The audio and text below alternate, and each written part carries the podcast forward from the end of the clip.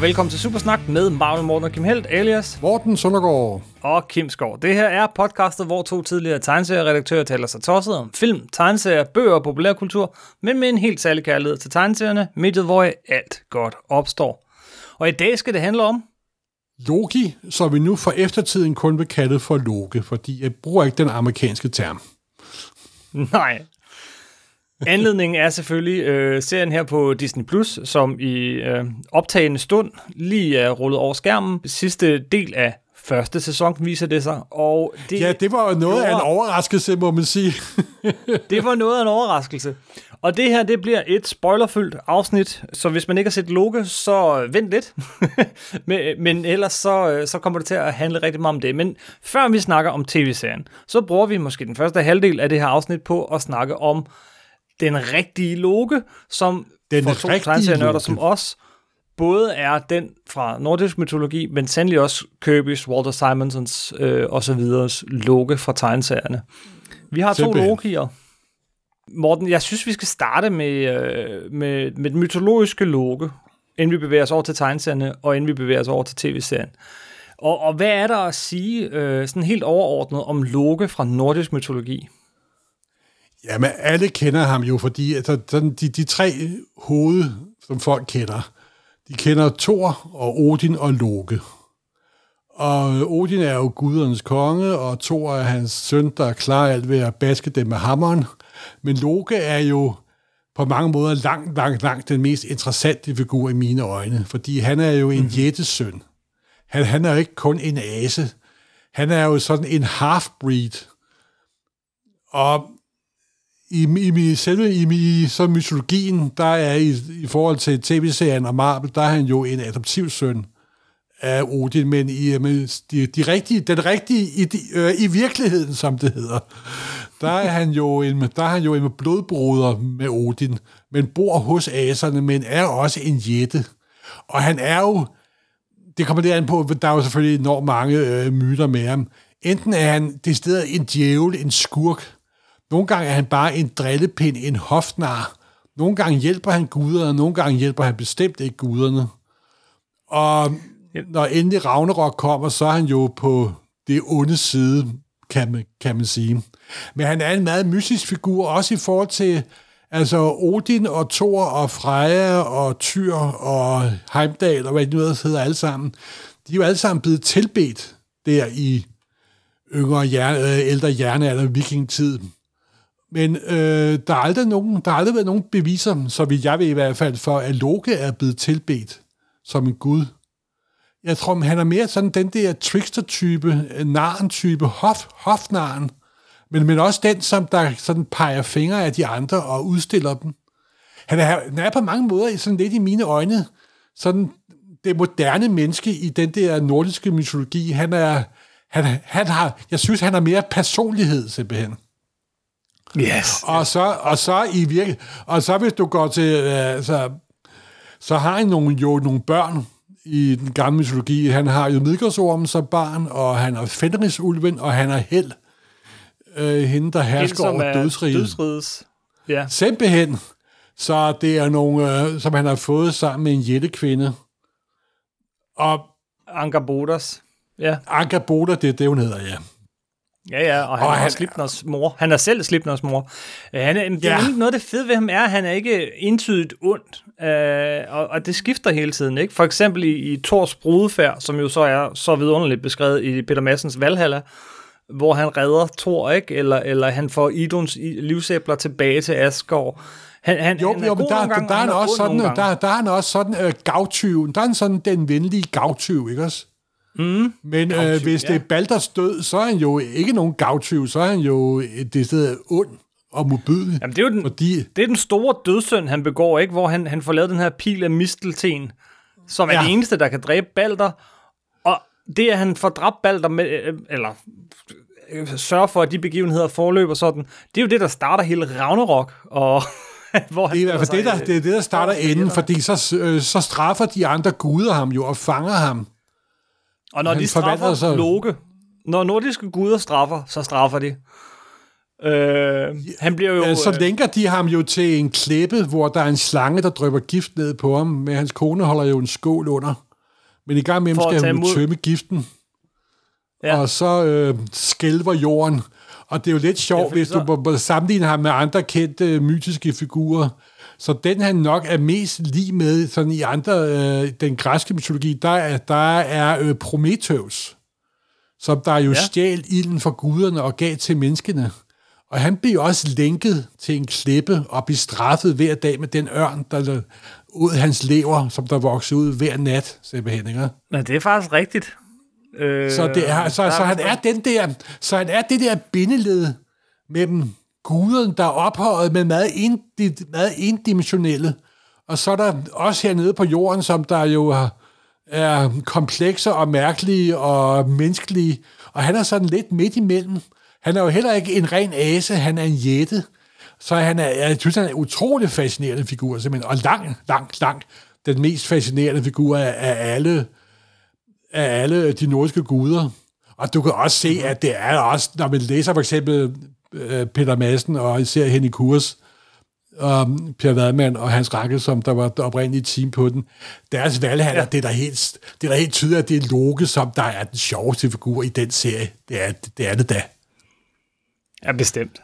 Men han er også, han er en fed figur. Og, og, og, og nordisk mytologi i det hele taget, altså er, det, det er ret selvmodsigende en gang imellem, hvilket... Det er øh, super simpelt, fordi der er jo, der er jo, altså det er ikke, det er ikke fordi jeg på nogen måde er ekspert i nordisk mytologi, men der er jo kildemateriale. Nogle gange, som jeg fortæller folk, hvor, lidt, hvor, hvor, hvor lille kildemateriale egentlig er, så bliver de nogle gange ret forbløffet. De sådan tror, at der er bog efter bog efter bog med meget nøje beskrivelse af de her myter. der, der blev faktisk Det er jo- ikke rigtig skrevet bøger. Nej, nej, netop, og det er jo sådan, det vi har, det er jo sådan noget for 11, 12, 1300-tallet, hvor ja, det er nogle kristne, senere. Hvor det er nogle kristne mennesker, der har nedskrevet de her myter, ikke også? Og de er så også blevet Der går faktisk endda igennem. historier, Jamen, der går faktisk endda historier om, at det er først, det, det er dem, som er skrevet øh, af de kristne scener, som gør Loke decideret ond. Altså gør ham til en slags djævel. Der er garanteret skrevet mange og lange og modstridende afhandlinger om, hvad man mener om ditten og hin simpelthen. Men du er da ret i, at han sikkert, at de har gjort ham til sådan en djæveltype, til en uh, satan-type, det er da helt sikkert. Men for mig er han også, hvis nu for at blive super litterær og tænke på, øh, på øh, Otello, han er også sådan en Jago-type, ikke også? En, der visker Ja. der er gift i øret og, og manipulerer. Han er simpelthen bare pisse interessant. Mange facetterede og pisse interessant. Hvis man godt. Ja. kan, altså, nordisk mytologi, jeg, havde, jeg fik et lille flip med det her for et par år siden, jeg tror to år siden, så kom Neil Gaimans øh, øh, nordisk mytologi, hedder bogen, og den er forrygende. Ja. velfortalt.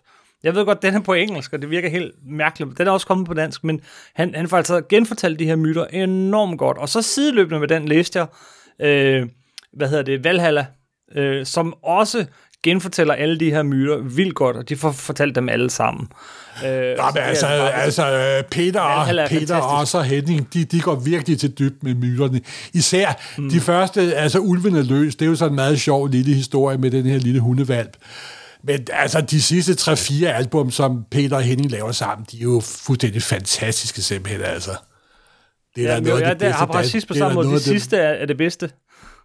Det er da noget af det bedste danske tegneserie, der, der nogensinde er lavet. Det er der der er ingen tvivl om over, øh, overhovedet, simpelthen. Mm-hmm. Og så er, og den men jeg vil nu sige, at den er mine, den bog, jeg er mest glad for med nordisk mytologi, det er Politikens Gud og Helte i Norden fra 1963. Ja, værsgo, Der, der, er sikkert, der, der, der er sikkert sket en, en vis historisk forskning efter det. Det er udmærket godt klar over. men, men det er den, som jeg er vokset op med, og de billeder, okay. De viser, så det, det har sådan virkelig dannet grundlaget for min opfattelse af det her. Det må jeg jo indrømme. Og så er det jo ja. også, at vores opfattelse af, hvad guderne er, det er jo også filtreret gennem hele romantikken og klassicismen fra 1800- og 1900-tallet. Det er vi enormt påvirket af. Og så er vi jo meget påvirket af den moderne udgave af Loke, som vi jo også elsker højt og inderligt. Ja, og, og vi er, nu er resten af verden jo også, men øh, vi er også, øh, siden vi var øh, små, øh, dannet af Marvels Loke, Øh, især S- Jack Kirby's Loke. Så skal vi ikke prøve at bevæge Simpelthen. over til Marvel Loke, Jo, som jo også er ham, det handler simpelthen. om. Øh, Og- og han dukker op første gang dukkede- i, i Journey into Mystery nummer 85. Ja, der dukkede logo op. Thor var dukket op nummeret i forvejen, 1904, mm. i uh, Journey to Mystery 84. Men logo dukkede relativt op i nummer 85, og faktisk første scene er, at han er spærret inde i træ på grund af tidligere forbrydelser. Men så kommer Heimdall forbi, og så, får han, og så styrer han et blad, der generer Heimdalls øje, så han græder, så han fælder en tåre ved det træ, hvor Loke er spærret ind, og så bliver Loke givet, givet fri. Og han sætter straks kurs mod jorden for at gøre livet surt for Thor, simpelthen. Og Ja. det er meget... Den Loke, der optræder i det nummer, det er faktisk den Loke, man ser i mange år. Det er den gulgrønne dragt og den meget ikoniske hjelm. Yes. Og, Og så Kirby er han... stor, øh, stor fan af, af, af mytologi, både nordisk mytologi, græsk mytologi og så videre. Så det er ikke noget tilfælde, at noget af det første, han får, får lavet, er en Thor-serie. Og Han har selv han har endda ta- taget fat i både Loke og Thor tidligere. Ja, øh. netop, netop. Og det er faktisk, altså så kører øh, den jo i Journey to Mystery, og relativt i Journey to Mystery nummer 96, så kommer der en backup feature i bladet, der hedder Tales of Asgard. Som er Hvor virkelig de- gode. det er faktisk der, hvor man første gang ser det, jeg kalder den klassiske Kirby. Fordi der genfortæller han de gamle myter simpelthen med ymer, mm. der bliver spaltet op og vokser ud af isen, og det er sådan meget amerikaniseret og dæmpet ned. Det er ikke den her rå, uforfalskede blod og tarme og vold, men de er bestemt ganske fantastiske. Og i løbet af det der forløb, hvor der kører Tales of Asgard, der kører over en længere periode, det er som regel sådan en 4-5 sider, der er som en afslutning til den normale Thor-historie. Der kommer de omkring alle de klassiske myter, der tager de også, hvor Loke kommer fra, og der gør de det der, og der kommer, indfører de det i Marvel-universet, med Loke er en adopteret søn, at Odin har adopteret ham, fordi han finder ham som det der jættebarn. Det er faktisk en fed historie. Jeg tror, øh, den, for mig, jeg kan ikke huske, om den er der, men øh, for mig så har jeg læst det i Walter Simonsons øh, run i hvert fald, hvor historien er ret fed, at for mange, mange, mange år siden, da Bor var, var Asgårds øh, konge, øh, så øh, var han ude og slås mod frostgiganterne, og øh, på et tidspunkt, så kommer han sådan væk fra sine egne folk, fordi han, han jager en, en af de her frostgiganter, som er såret, og øh, så dukker der en troldmand op, og fanger Bor, og gør ham til sne. Altså gør ham simpelthen til sne. Og imens så er Odin så taget ud for at finde ham, og så finder han hans far, som er ved at blæse væk. Altså han er en snebunke, der, der er ved at forsvinde. Og Bor, han, han, han tryller og beder Odin om at, at finde en anden troldmand, der kan befri ham. Men det gør Odin ikke. det Nej, rigtig- der var jo altid øh, med søn- og faderforhold i mytologien. Det var ikke noget rart ting. Nej, så sådan på vej væk, sådan lidt, ah, too bad far, så, øh, så kaster Bor en forbandelse over Odin, som er ret interessant. Han, han, han siger, på et tidspunkt vil du tage en søn ind i dit hjem, øh, søn af en falden konge, og, og, og, og gøre ham til din egen. Det er en lidt underlig prof, profeti forbandelse, men det sker en uges tid efter, eller sådan noget, der, der Odin så øh, kæmper mod frostgiganterne og får dræbt Laufey, som var konge af, af frostgiganterne. Og ja. Efter han har dræbt Laufey, så finder han den her lille, øh, altså meget, for, for frostgiganter, meget lille barn, øh, og, og tager ham til sig. Og det er selvfølgelig Loke. Og så er det også meget interessant, at, at Loke både har været udstødt af sin egen art, og kommer hen et sted, mm. hvor han heller ikke kan finde sig tilpas. Han, er, han hører ikke hjemme nogen steder, faktisk. Han er sådan midt imellem. Mm-hmm. Og da han så Øh, vokser op, så så, så er han den her trickster, ikke? Som, som ikke kan lide Thor, og ikke føler sig rigtig hjemme nogen steder, men, men, men altså, han, han starter ikke som ond. Det tager et stykke tid. Nej, men jeg vil nu sige, at den rolle, han hurtigt får i den klassiske Thor-serie af Jack Kirby og Stan Lee, det er jo, at han er ja. den onde. Og, og, han er, og han er rimelig indimensionel, vil jeg nu sige. Altså, hans store drøm er at være Odin i stedet for Odin, simpelthen. Ikke? Jamen, jeg synes egentlig heller ikke, han er en skide interessant skurk i starten. Øh, Nej, det, det er han bestemt ikke. Det er, altså, altså, jeg kan jo godt lide det, fordi det er Kirby og så videre. Og så, og så er han jo også årsagen til, at Avengers bliver dannet. det er selvfølgelig rigtigt. Danny, og så en, lidt senere op i, uh, lige om der i starten af 70'erne, så er han også hovedmanden bag af den første store crossover Marvel-begivenheder, Defenders Avengers War, hvor han arbejder sammen med, med, med Dormammu.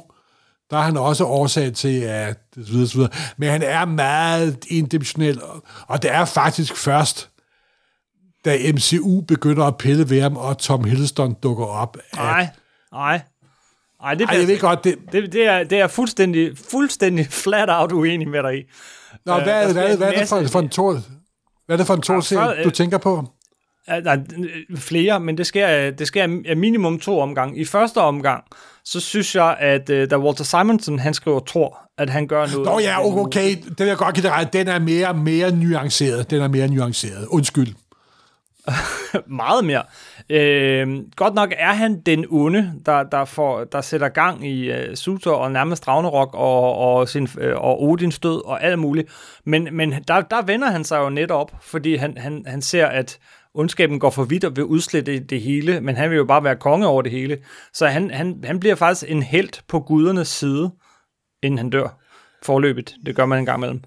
Og mister sin kraft jo. og bliver sendt til jorden. Men, men han bliver faktisk der bliver han en held, og han, han, han faktisk sådan så, at de andre guder, de, de gerne vil, øh, de, de presser på for at gøre ham til, til konge over Asgård efter Odin, fordi han viser sig som stor held ved det her store afgørende slag.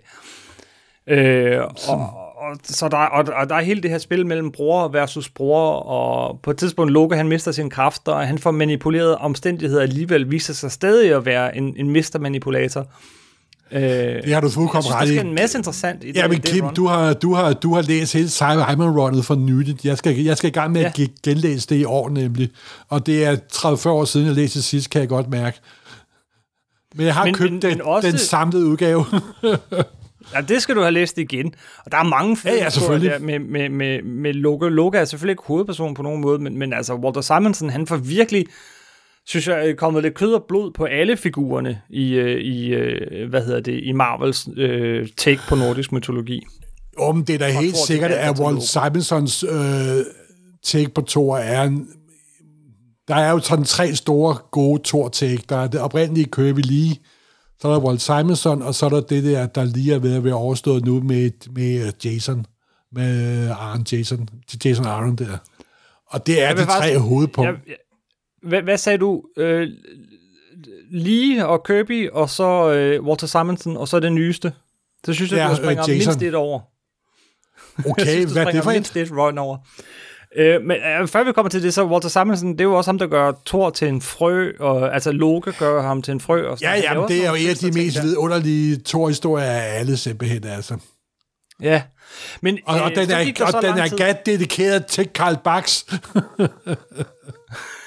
det er rigtigt, det er rigtigt. Øhm, så op omkring øh, starten af 2000, så, så kommer, hvad hedder det, så kommer Ragnarok igen. Det kommer et par gange. Det hele gentager sig. Ja. Det er også en del af, af pointen.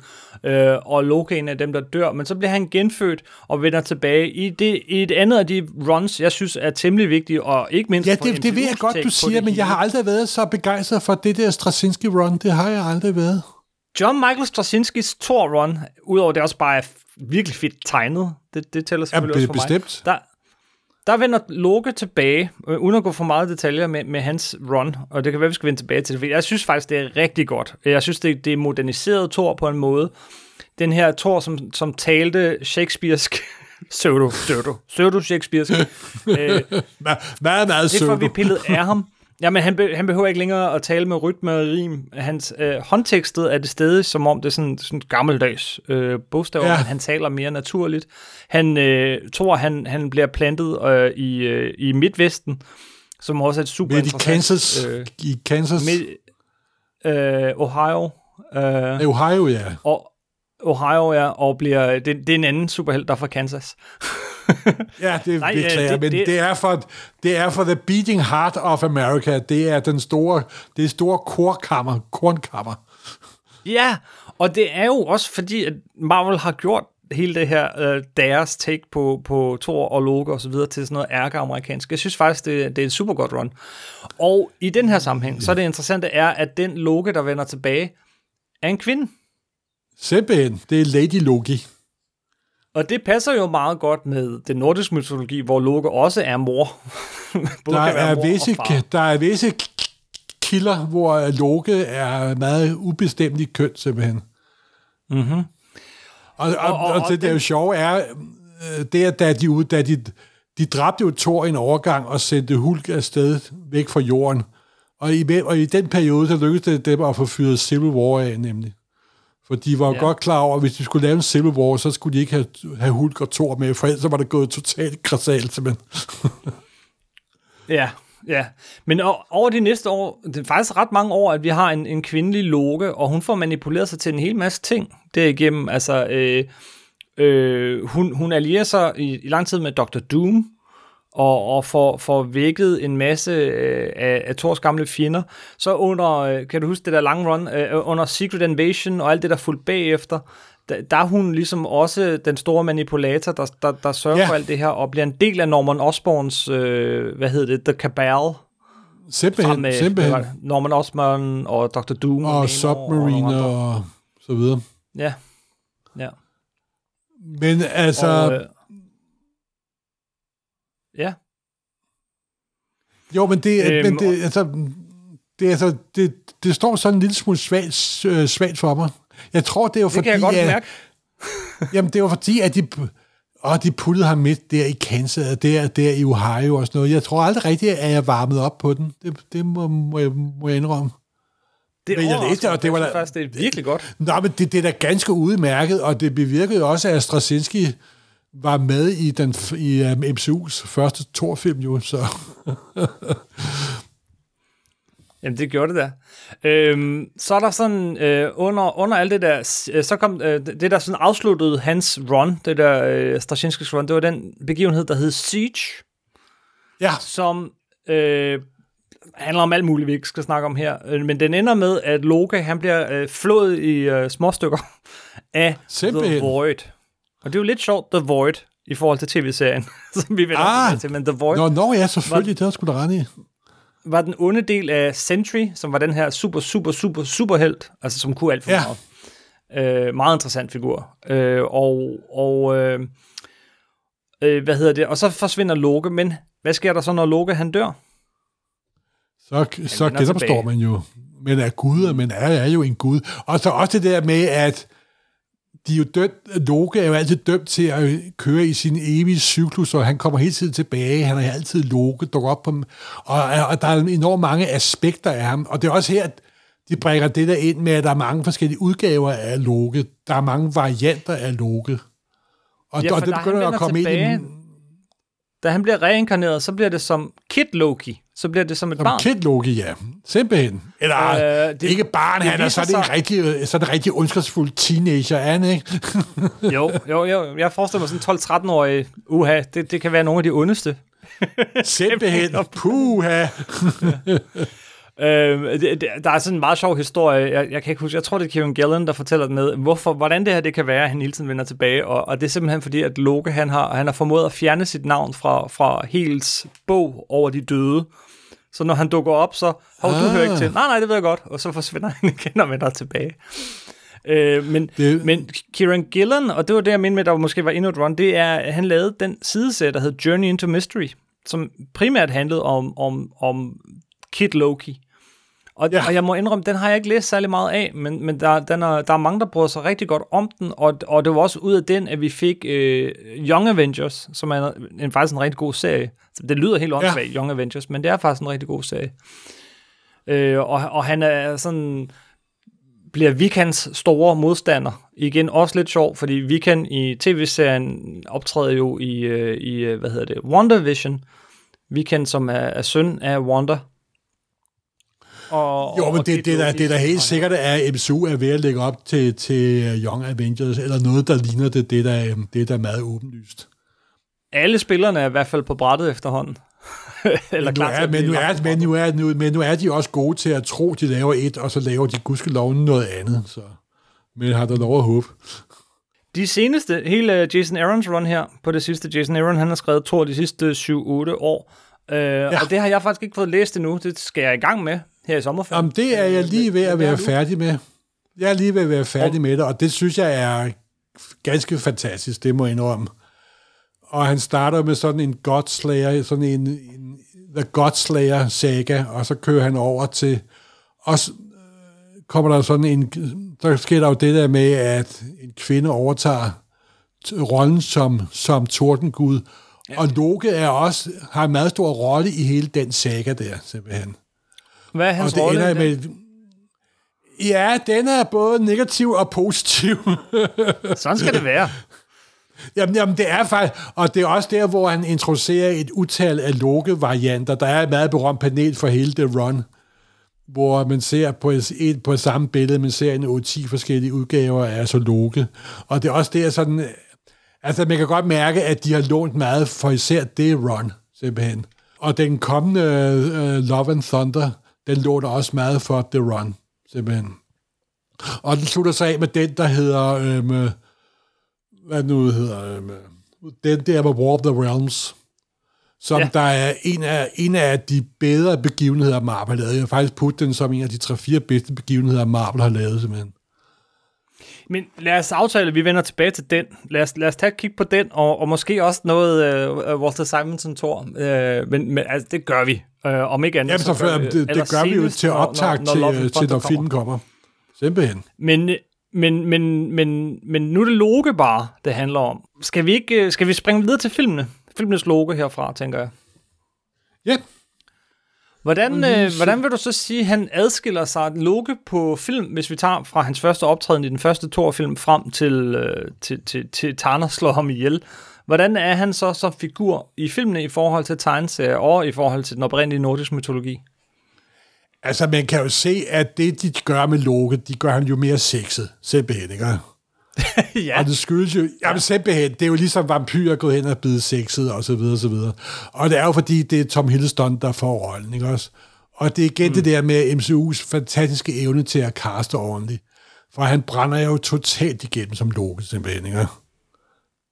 En historie, Altså- jeg har læst mange gange, er, at det var meningen, at Loke skulle dø i, øh, i den anden Thor-film. Øh, ja, ja. Det virkelig var meningen, at han skulle dø, dø, men, men, men så ser Kevin Feige modtagelsen af Tom Hiddleston på, sådan en, på, på, på New York Comic Con, San Diego Comic Con ja. nogle år, og han, han sådan, som er sådan fuldstændig sindssyg, og så han sådan, skriv ham lige ind i det næste også. Jamen, det er jo der, hvor Tom Hiddleston optræder som Loke. Man kan, man kan se klippet på nettet. ja, ja. Og Han bliver I super am populær. I am burdened Ja. with glorious purpose. Og, og han er jo en trænet engelsk skuespiller, ikke også? Og han kan køre den totalt af, ikke også? Altså. Yes. Og han er jo faktisk... Altså, jeg han jo- jeg har set ham i masser af Shakespeare-produktioner. Han var med i den der The Night Manager, den fantastiske John le Carré-serie. Mm. Uh, og der spillede han jo også fuldstændig fantastisk. Han er meget, meget dygtig skuespiller, og han forstår at sælge varen. Det gør, det gør, gør han altså. Og, og det er helt tydeligt, at Loke, der, det er, han elsker at spille den rolle, simpelthen. Og fordi, igen, som jeg har sagt utallige gange, det er B-film med A-skuespillere, simpelthen, altså. Ja, for man, man får han får lov at smøre tyk på, og han får lov at spille... øh, Nå, men de det er du ikke, jeg vil ikke sige, det er smør det tyk bedste. på, fordi han gør dem jo til en kompleks, men også meget charmerende figur. Og det er da helt tydeligt, at Tom Hiddlestons udgave har der påvirket alt det, Marvel har lavet med Thor lige siden, altså. Ja, absolut. Det er meget tydeligt. Især, synes jeg, under uh, Kieran Gillans perioden der. Jo, men der er også øh, den, der hedder Agent of, øh, øh, Agent Ja, of Asgard. Loki, Agent of Asgard, med det er øh, Al Ewing, som der jo også skriver Nå, ja. øh, øh, Immortal. Hulk for øjeblikket. Det er da også ganske underholdende, det er virkelig underholdende. Og så der, da øh, valget i 2016 lavede de også en hel serie, hvor han stillede op til præsidentvalget. Men altså, alle de udgaver, der er af Loke, efter Tom Hiddleston kom på, det er lidt ligesom, at Robert Downey Jr.'s Iron Man påvirkede meget, meget hurtigt tegneserieudgaven. Og Tom Hiddlestons Loke påvirkede også meget, meget hurtigt den Marvel tegneserieudgaven. Simpelthen. Man kunne næsten høre Og på det er- replikkerne, ikke? Øh, ja, på den Simpelthen, måde, de skriver altså. replikkerne. Men, men det er sådan noget, synes jeg, det er sådan noget, der plejer at komme og gå. Det, det, det er sådan, sådan er det en tid, og så går det igen. Der var også en periode, hvor at, at man tegnede i, i X-Men, at, at Wolverine, han lige pludselig blev tegnet meget mere som en vis australsk skuespiller. Øh, Jo, men han, jo, men det var mere, altså, jeg tror nu nok, at Tony Stark, uh, Downey Jr. og Loke, Tom Hiddleston, de er kommet for, for at blive. Det, det, det tror jeg faktisk. Okay. Øh, men i filmen, der, øh, der er han, øh, ja, hvad er han i filmen? I starten, der er han jo Thors ven, eller lidt fjende, fordi han synes selv, han skal have tronen, men Thor øh, er udsat til at få den, og så, så kører han ellers med sine øh, misgerninger og sin Thors, Thors, Thors ven? Han er da en ondskabsfuld satan i film nummer et og film nummer to, altså. Nej, ja. Han er lidt begge dele, men han er, han er, han, og det er jo først i film nummer et, at han, det er jo først i film nummer et, at han, han opdager, at han egentlig er frostgigant.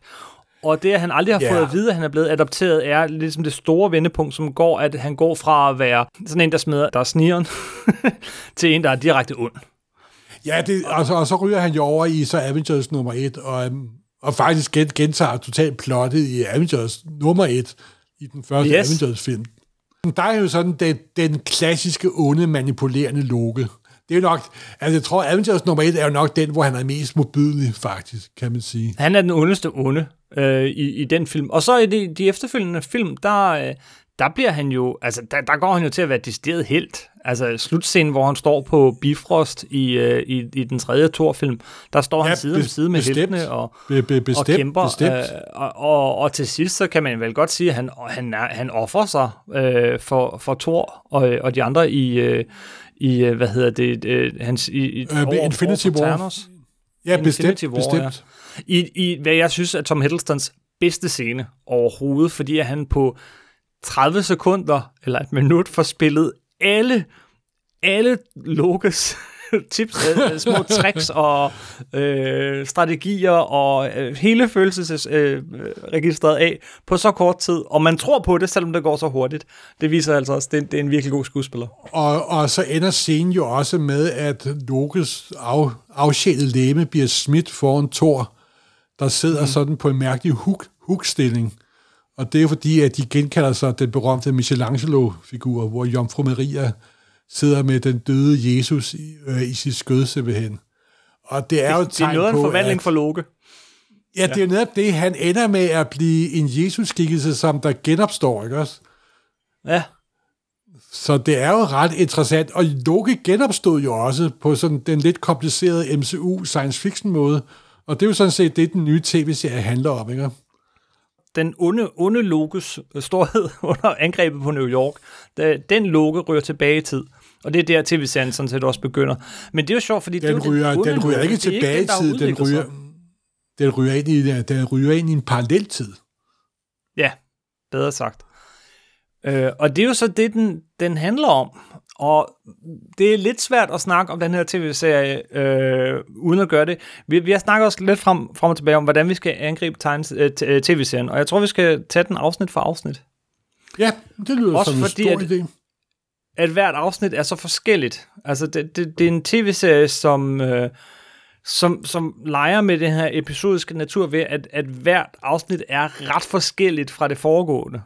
Det er ikke den type tv-serie, hvor man har det samme, eller, eller et langt forløb. Altså, de skifter total setting, eller nogle gange nærmest tema for hvert afsnit, og, øh, og skriver. Og det, synes, og det, det, og det synes jeg er en af tv-seriens med styrke. Det synes jeg er en af tv-seriens styrke.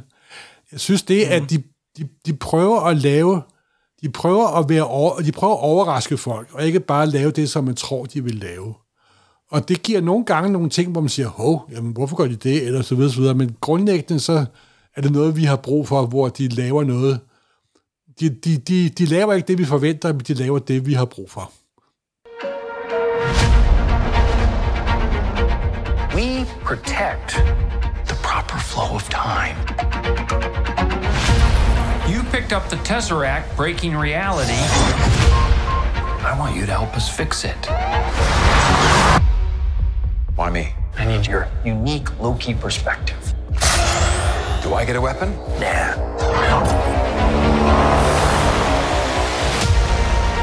Første afsnit, synes jeg, var fuldstændig spot on. Jeg, jeg var fuldstændig forgabt i det. Men, øh, og, og uden at vi skal sidde bare totalt og genfortælle de afsnit, så lad os prøve at hive fat i nogle af de ting, som, som peger hen mod tegneserierne, eller det oprindelige, øh, eller, eller andre science fiction idéer, som er lidt sjove. Altså det første er jo, at der han, han, han stikker af med en Tesseract, og så lander han i ørkenen fuldstændig en til en på den måde, som, som Tony Stark han landede som Iron Man i den første Iron Man-film. Var det første, jeg lå mærke til. Og, og, det er og, præcis samme skud. Det er præcis det samme, samme skud, simpelthen. Og så lige et øjeblik efter, så dukker The Timekeepers op. The Time Variant Authorities. Som er jo faktisk en idé fra tegneserien.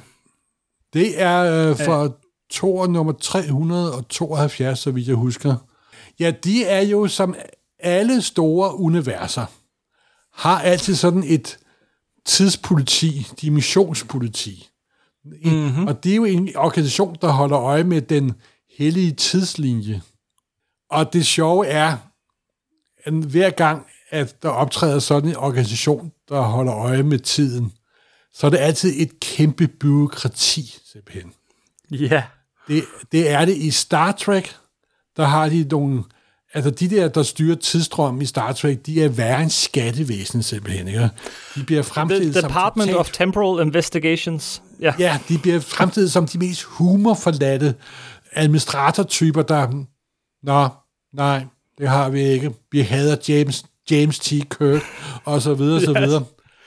Men jeg kan altså er... anbefale det. Det bliver lige nødt til, jeg bliver nødt til bare lige, mens du er ved det spor, ikke? Altså, de dukker op i, i Deep Space Nine og andre steder. Er sådan lidt en parodi på Mulder og Scully, men, men, men sådan virkelig humorforladte, som du siger. Men der er faktisk lavet to bøger om dem, som er mega sjove, som handler om, hvordan de de, de, altså de, de får knyttet alle tidsrejsehistorier i Star Trek sammen, og hvordan de stakkels to mennesker der, byråkrater, skal gå og reparere hele tidslinjen efter ham, den skide Kirk. Ret sjovt. Nå, ja, fortsæt. Men det er jo sjovt, fordi det er jo sådan en kliché, at for eksempel også, hvis du tager en historie, hvor folk kommer ned i himlen, eller kommer i helvede. For eksempel den tv-serie, der hedder The Good Place, eller den tv-serie, der hedder Miracle Workers, der kører på HBO for øjeblikket, hvor himlen eller helvede også bliver fremstillet som grundlæggende administrationer, der er kørt totalt, to, totalt fast. Og, og de er sådan set hverken gode eller onde, de er bare administrationer, det er også lidt, tror jeg, det moderne menneskets frustration mod at være oppe mod administrationen, som er den her fuldstændig umenneskelige, ansigtsløse skikke, som du har fornemmelsen af at styre dit liv simpelthen. Ikke?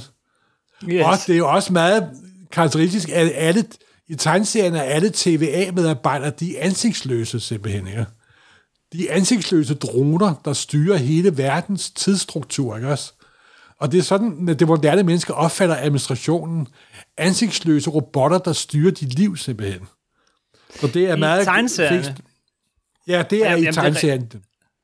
I, i tegneserien, så, øh, så, øh, så ser de alle sammen ens ud. Der er det nemlig, og det er en af de her figurer, vi møder også i filmen, spillet Owen Wilson, mind blown, øh, øh, som, øh, Mobius, i tegneserien, så, øh, så er alle de her, øh, der arbejder for Time Variance Authority, øh, kloner, som ligner øh, Mark Grunwald. Ja, og senere Tom og Mark, DeFalco. Og Mark som er jo en redaktør, redaktør og forfatter. Ja. Ja, det er lidt og sjovt, at, er... at, at, den store mellem, den der ja, biokraten, det er, det er uh, Walter Simonsons uh, redaktør i, i 1000 klonede udgaver. Det er ret morsomt, hvis man lige fanger Det er jo også fordi, at Mark Grundvald har en havde han desværre død, en fuldstændig encyklopedisk viden om Marvel-universet. Og han startede faktisk som en fan, der skrev sådan nogle pseudorealistiske videnskabelige artikler om kronologi og tid og rum og hvilken den figur osv. Så, så, videre. så han er, han er så lidt faderen til sådan den der moderne fandom, hvor man har nærmest sådan et slags sådan Sherlock Holmes-agtig øh, konanisk forhold til, til Marvel, og prøver at få det hele til at passe sammen kronologisk, og forklare alt, og så videre, så videre. Yes, yes.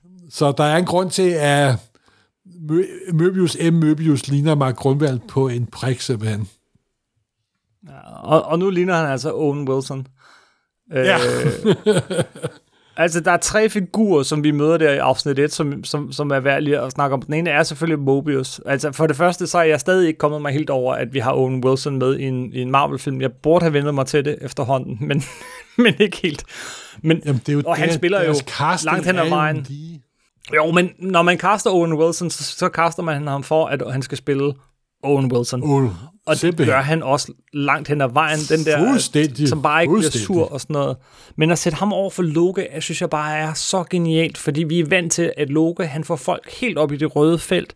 Han gør folk sådan morderisk vrede på ham og sådan noget, men lige meget hvad Loke gør, når han er sammen med Owen Wilson, Mobius, så bliver han ikke sur. The timekeepers have built quite the circus. And I see the clowns are playing their parts to perfection. Big metaphor guy. I love it. Makes you sound super smart. I am smart. I know. Okay.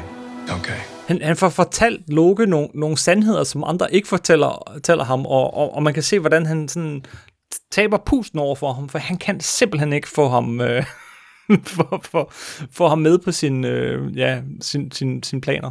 Det er ret fedt. Jeg synes, han er, er et rigtig fedt modspil over for Loke. Nå, men det er jo også fordi, at Möbius, det er jo, hans job er at beskæftige sig med Loke-varianter.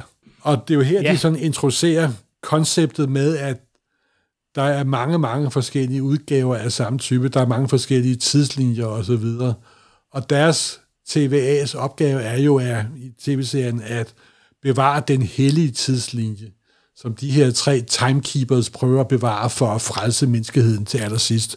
Det er sådan det, evang- det, det evangelie, som øh, alle medarbejderne i TVA, de sådan ge- gentager konstant og hele tiden. Jamen, det hele handler om at undgå sådan et, et multivers of madness, som den næste, øh, som alle jo ved, den næste øh, Doctor Strange-film kommer til at hedde.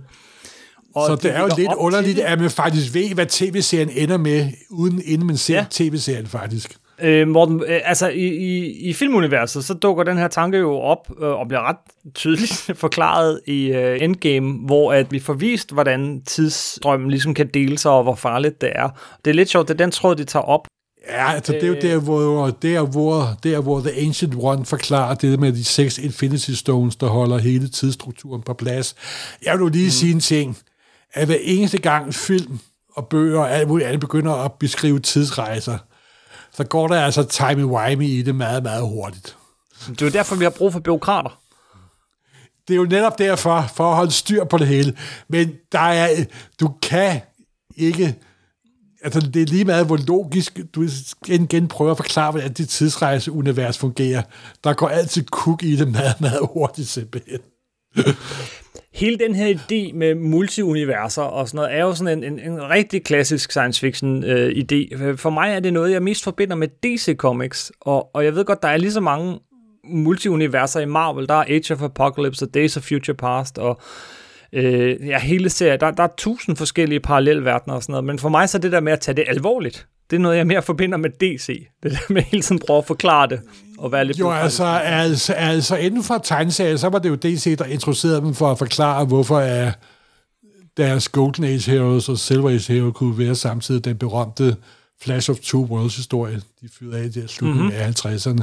Men selve ideen med multiverses og, og paralleluniverser, det stammer jo helt tilbage fra klassisk science fiction i 30'erne. Blandt andet meget berømt uh, Murray Leisner-historie for øh, 39, så vidt jeg husker, der hedder Sideways in Time. Så det er helt Yes. tydeligt. Og ligesom Julie Schwartz, der var redaktør på de Flash-historier, han var gammel science fiction-fan. Og meget af det DC, der kom i slutningen af 50'erne, der importerede de en masse klassiske science fiction-koncept. Og for dem var paralleljord og multiuniverser jo en, en gave, fordi så kunne de proppe lige så mange superhelte ind i deres univers, som de gjorde, som de ville simpelthen. Hvad de så også gjorde til overmål. Og som du selv siger, de siger altid taget det meget alvorligt. Og det har jo forårsaget mange problemer for DC gennem årene. Mens, mens Marvel jo også rimelig hurtigt introducerede alternative verdener, parallelverdener og jorder. Men de er altid mere sådan en slags, det var da meget sjovt, så glemmer vi det, den næste historie. Ja, præcis. Så det er meget øh, kor- korrekt set. Men nu er det så om, at hele MCU, de virkelig tager det alvorligt, må man sige. Ja, med Owen Wilson i front. Øh, ja, o- o- okay. O- okay. Men men, men, Og- men, men øhm, det, det er også ligesom om, der er noget i vandet nu, ikke? Fordi vi ved, øh, tv-serien her, den handler om multiuniverser. Vi ved, at øh, de næste film øh, og, og tv-serier fra What If til, til Multiverse of Madness til den næste Spider-Man-film kommer til at handle om multiuniverser. Vi ved også ved DC, er den næste Flash-film. Den handler også om, om multiuniverser og sådan noget. Øh, så der, der er lidt i vandet for tiden. Det er heller ikke så lang tid siden, vi fik Crisis on Infinite Earth i, øh, i tv-udgave. Eller for den sags skyld, øh, hvad hedder det, øh, Spider-Man, den animerede Spider-Man-film. Spider-Verse. Jo, men det har, vel, det har vel også noget at gøre med, at det er gået op for dem, at hvis de introducerer sådan et koncept som multiverse, så kan, så kan de hive hvem som helst ind, når som helst, og sælge hvad som helst. Jamen, det er rigtigt. Det kan være slutmålet er simpelthen, at så har vi en ny Captain America og en ny uh, Iron Man, uden at vi behøver at, at genkaste. Det er da muligt. Det, eller, eller det er jo, altså nu, nu er det ikke fordi, jeg tror nu nok, at de er mere kreative end som, end, de har i hvert fald vist, at de som regel er mere kreative end det. Og, ja. og jeg har også det fornemmelse nu, når vi snakker sådan på det her sådan metaplan, med vi jo det, der hedder Phase 4 af MCU. Og jeg har en fornemmelse af, at de prøver at bruge fase 4 at lidt løsrive sig fra den spændetrøje, som de første 23 film jo er. Der er en meget sammenhængende ting sådan der Infinity Saga. Jeg så et interview med Kevin Feige her, der er et par uger gamle, når øh, jeg sidder og snakker her, hvor han begyndte at sammenligne de ting, de laver nu, lidt som at være en, og ligesom at være udgiver. Og jeg tror også, at nu de forsøger at lave en masse forskellige ting på, på nogle masse forskellige måder, på en masse forskellige former, og måske løsrive sig lidt for, at alt, hvad de laver, bliver vejet på en guldvægt. Måske kan jeg få lov til at lave noget, der er fjollet og mærkeligt, hvad de allerede har gjort, synes også, de har vist med de første tre tv-serier, at de har været tre ret forskellige tv-serier simpelthen. Ikke? Mm-hmm. Så jeg håber også, at det betyder, at det bliver lidt mindre øh, sådan, at det bliver kørt mindre hårdt, så at sige. Og der også kommer um, faldet på halen øh, tv-serier, og der kommer jo She-Hulk, der garanteret bliver en parodi på sådan øh, sagførerserie, og den næste serie bliver Hawkeye, det bliver sikkert sådan en mere agentagtig serie, og så videre. Og så jeg håber, meget... de sådan lukker, de sådan lukker lidt op for posen. Det er meget tydeligt, at, at synes jeg så også, når man sådan snakker om de her rundt omkring, at, at der er nogen, der har sådan en opfattelse af, at man skal have set det hele. Skal man have set ja, det hele for at det forstå, er en hvad der kæmpe fejltagelse. Det er en kæmpe fejltagelse. Det tror jeg, mange også bliver lidt skræmt af. Jamen, jeg forstår ikke alle hentydninger, jeg forstår ikke alle påskeæggene. Og det er enormt sjovt at sidde og genkende påskeæggene, men det er nogle gange også lidt af en hemsko, fordi man sidder kun og holder øje med påskeæggene.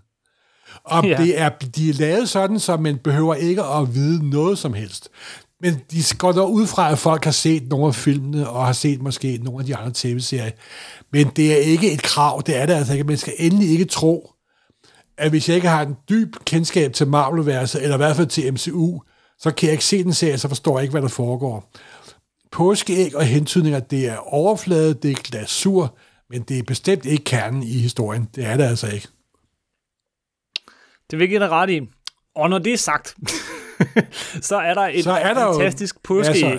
I det, der er masser og masser og masser af dem, som er virkelig sjove. Mit, det bedste påskeæg, øh, som fattede jeg ikke før. Jeg, jeg, jeg tror, det gik op for mig et par afsnit senere, øh, fordi der var noget, der lige pludselig klikkede i hovedet. Men øh, vi møder blandt andet øh, øh, den øverste chef i, i det her øh, tidsbureau, og det er Raven Renslayer.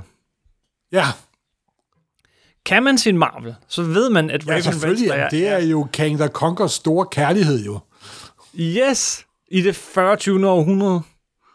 Det havde ja. jeg, den, den, den fangede jeg ikke. Også måske fordi nå, hun ikke lige nå, uh, var den type. Uh, uh, okay. Uh, men, men jamen, det, det tog mig lidt tid, øh, og jeg kender hende ikke fra den oprindelige historie, men fortæl os lige, hvad er historien i tegneserierne om Raven Renslayer, Morten?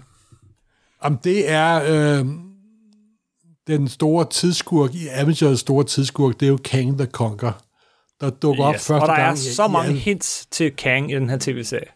Ja, der dukker op første gang i Avengers nummer 8, men det er faktisk ikke første gang, han dukker op i Marvel-universet, fordi han, første gang hedder han slet Kang the Conquer.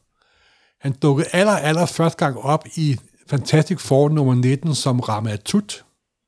Ja, det er meget tidligt i Marvel-universet, det her. Det, han er en meget, meget tidlig figur i Marvel-universet, hvor han er en mand ude i fremtiden, der finder en af sine forfædres planer til en tidsmaskine. Bygger mm-hmm. den ind i en svings, som man jo gør, når man har en plan til en tidsmaskine, og rejser tilbage til det gamle Ægypten og sætter sig op som en enevældig hersker, som en faro simpelthen. Og det finder Fantastic Force ud af at rejse tilbage i tiden via Dr. Dooms tidsmaskine, som der jo stammer fra Fantastic Four nummer 5. Og i løbet af den historie, så ender det selvfølgelig med, at øh, Ramatut må stikke af i sin tidsmaskine og rejse ud i tidsstrømmen. Hvor han så i Fantastic Four årshæfte nummer 2 møder en Dr. Doom, der, render, der svæver rundt ude i The Void, og hiver ham ind i sin tidsrejseskib. I The Void? Hvor Ramat... Ja, sådan et tidsløst Void, okay. tiden imellem. Jeg, jeg tror ikke, jeg, jeg, tror, jeg kan ikke huske, om Stan lige bruger ordet The Void, men det er i hvert fald sådan en meget typisk ting, der altid er i populærkultur. Rummet imellem mm. der, hvor der ikke er noget rum. Og der møder Ramatut og Dr. Doom hinanden og finder ud af, at de er en og samme person. Måske. Fordi den Nå, der ja. forfader, som Ramatut har lavet sin øh, tidsmaskine efter, det er jo Dr. Dooms tidsmaskine. Oh, det er time stof, det her. Og så øh, rejser, øh, så øh, hjælper øh, Ramatut Dr. Doom med at vende tilbage til sin virkelighed, mens øh, Ramatut rejser videre og havner ud i det 41. århundrede og finder en verden, der er opløst i krig, men har superteknologi. Og takket ved den superteknologi laver han sig så om til Kang the Conqueror, og rejser tilbage til Avengers nummer 8 og prøver at besejre den tid. Og jeg er glad for, at jeg spurgte, Morten. Ja, ja, og så begynder Kang the Conqueror jo at optræde. Man kan se, at Stan, Lee, Stan Kirby og Stan Lee har fundet på ham. Og så bliver han brugt ret meget. Faktisk allerede i nummer 10 dukker der en anden person op, der hedder Immortus, der også er tidsrejse. Mm-hmm. En tidslord. Øh, om Stan Lee på det tidspunkt havde forestillet sig, at det også var en udgave af Kang the Conqueror, det er jeg ikke sikker på. Men Kang the Conqueror dukker op igen, han smider blandt andet en Spider-Man-robot efter Avengers. Så dukker han op i et plot, hvor der er en øh, prinsesse for et rige, han har prøvet at overtage, som han er blevet forelsket i, og det er Joff Raven Renslayer. Der. Raven Renslayer. Som så ender med at ofre livet for at frelse Kang. Så hun river ind i en slags stasis. Og så har han bevaret hende sådan som en, som en, øh, i en sådan slags krukke i sådan et statisk felt. Og så er der mange historier, der går på, at han prøver at frelse hende. Men så ender det alligevel med, at han hellere vil have, bruge den magt på sig selv, i stedet for at redde hende. Så han er en rigtig ondskabsfuld type, simpelthen. Han er det ultimative magtbegær udsat for den ultimative magt, og han vil beherske altid, simpelthen. For Kang yes. the Conqueror er en vidunderlig figur.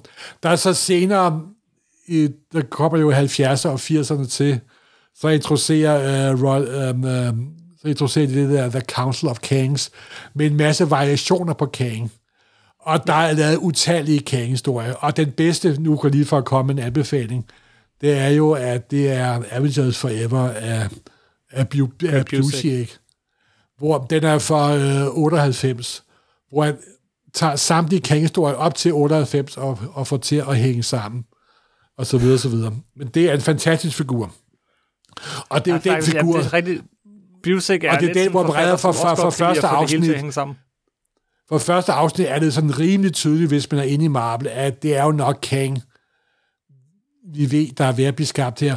Også fordi, at vi har de meta-oplysninger med, at han er blevet castet til den næste Ant-Man-film hvor King the Conqueror er skurk nemlig. Og det er igen det her med, at Marvel ved godt, at dem, der ser serien, mange af dem har sådan nogle meta-oplysninger om, hvad der er blevet castet senere hen. Så det er sådan et underligt samspil imellem historien, og så det, der foregår uden omkring historien. Og det spiller Marvel også på, og det gør de sådan ret elegant en gang imellem, synes jeg. Bortset for det, så første afsnit her, hvis man lige skal runde første afsnit af, så, så skaber det bare sådan, det, det er den der stemning med, med byråkrati og, og 60'er, øh, øh, hvad hedder det? Altså det, der er aller, aller fedest ved første afsnit, altså. det, der er aller fedest ved første afsnit, det er ikke Tom Hiddleston eller Lauren, øh, øh, Luke Wilson og så videre. Så det er design. Det er Casey. Simpelthen. Nå. Det er simpelthen okay. det mest fantastiske ja. design på den. Det er jo lavet direkte ud af Brasil. Øh, til ja, jeg tror også, det var det, jeg skrev til dig.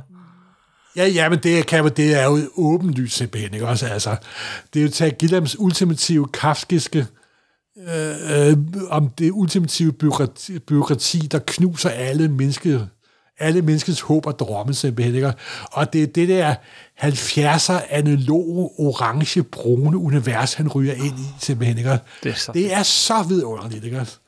Og så optræder der den her vidunderlige figur, der hedder Miss Minute, der er sådan en slags informations kv- kvalmende sød og mobidelig simpelthen, ikke også?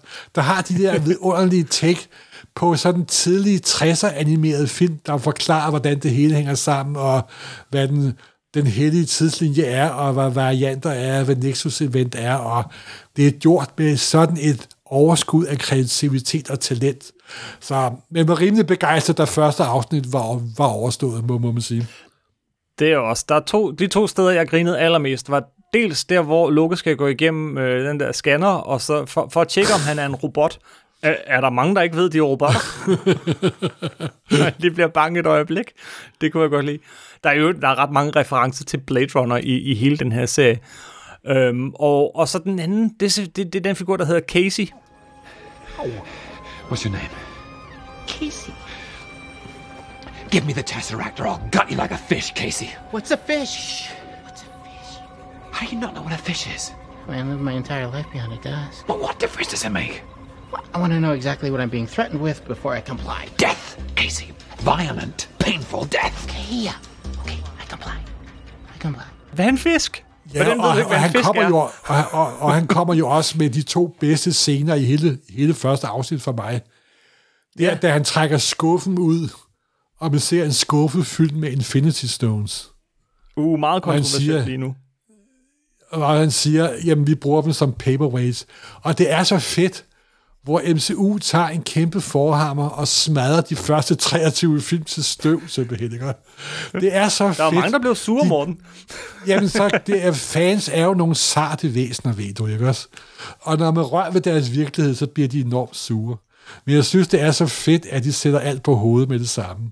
Og siger, alt det, du har nu- tilbedt de sidste, de sidste plus 10 år, det er noget, det ligger nu i en skuffe, hvor vi bruger dem som paperweights. Men det allerfedeste for, for mig i den første serie, det var, da han ser Logo dukke op igen. Ah, you are the criminal with the blue box. The criminal with the Også- blue box. Ja, og så kan man jo kun tænke på Doctor Who. Og det er jo også ja. timey-wimey tidsopfattelse, det her, ikke også? Så, Åh, ja, ja. Men det er igen, det er påskeæg, du behøver ikke at vide det, for at synes, det er en fantastisk serie, men det giver en lille ekstra kick, når man, når man får det. Jamen, det er rigtigt. Og i øvrigt, så der var mange, der blev sure over det her med, at uh, Infinity Stones og det store, uh, nu siger de bare alt det, det, der var før ligegyldigt og sådan noget. Men der er faktisk, hvis man er rigtig nørd, så ved man også, at Infinity Stones, som krydser universer eller tidslinjer, ikke virker. Nej, den der op. Du kan, ikke tage, Og- du kan nemlig ikke tage Infinity Stones fra en parallel virkelighed over en anden. De vil ikke virke. Nej. De hører til, Nej. hvor de hører til. Så, så, så så, virker- så på den måde, det- så passer det. med Ligesom i gamle dage, når du, når du prøver at køre et Mac-program af på en PC. Det virkede ikke simpelthen. Det er det samme. Det er fuldstændig det samme. Det Ej, og så har vi ikke engang været inde på den der fantastiske scene, hvor han, øh, han viste sig at være ham der D.B. Cooper, øh, som, som, som i ja, virkeligheden... men der tror jeg, der tror jeg faktisk, at der er mange europæiske seere, der ikke ved, hvem D.B. Cooper er. Øh, Ja. B.D. Cooper. Men, Okay, okay, det er men han er en meget mysisk figur inden for amerikansk underholdning, simpelthen. Og han var den der berømte fly, flykaber, som der Øh, fik en løsesum, og så sprang flykaber tyv, Og så sp- der fik en løsesum, og så sprang han ud i faldskærm for det fly, han havde, som han havde hijacket, simpelthen. Det var ja. dengang i 70'erne, der var enormt mange hijacking af fly, simpelthen. Det var nærmest, gik nærmest hen at blive en, at blive en sport. Og man fandt aldrig livet af ham, simpelthen. Og han havde sådan meget karakteristiske mørke solbriller og så videre. Og for eksempel er der hentydning til B.D. Cooper i uh, Breaking Bad, for, for, for eksempel. Altså, han er, han er nærmest en mysisk figur inden for amerikansk underholdning. Simpelthen. der er Og det så viser sig at være Loke, det er, jo så, det er jo selvfølgelig ekstra morsomt. Det er nemlig bare ekstra morsomt. Men det er jo, det er jo så ikke, som sagt, det er den Loke fra Avengers-filmen fra New York, der dukker op her. Og så bliver han Ja. præsenteret for, hvordan øh, han udvikler sig i løbet af de andre film. Igen, man behøver ikke have set dem, men man får det ligesom præsenteret. Øh, men hvad, jeg synes faktisk, han opfører sig, hvis man skal sige noget, jeg synes, han opfører sig som den sene Loke, og ikke som den tidlige Loke. Ret meget med det samme. Og, og det, det, Ja, øh, det, altså han, han får det en over, scene, jeg. hvor der, jamen, at, hvis du pludselig fik smidt hele dit liv i hovedet og få at vide, hvordan du dør, så det er jo noget af en hård kur, må man sige. Og han sætter sig jo ned, og så pludselig er han utrolig ærlig og siger, at jamen, jeg er en ondskabsfuld satan, men jeg kan ikke lide at være i det ondskabsfulde satan, ikke også? Men du har ret. Den der øh, øh, reformering af ham, sådan en omvendelse, den foregår meget hurtigt simpelthen. Det har du fuldkommen ret i. Og det, og det er også det problem. Altså, der, tænk på, hvor tættet bare den første afsnit er med informationer og ting, der sker osv. osv. Det foregår jo i et vanvittigt tempo simpelthen, ikke også? Mm-hmm. Så er det- jeg synes, sgu, det er, jeg synes, det er rimelig imponerende, hvad de får puttet ind på den der lille 45 minutter, eller hvad det er simpelthen.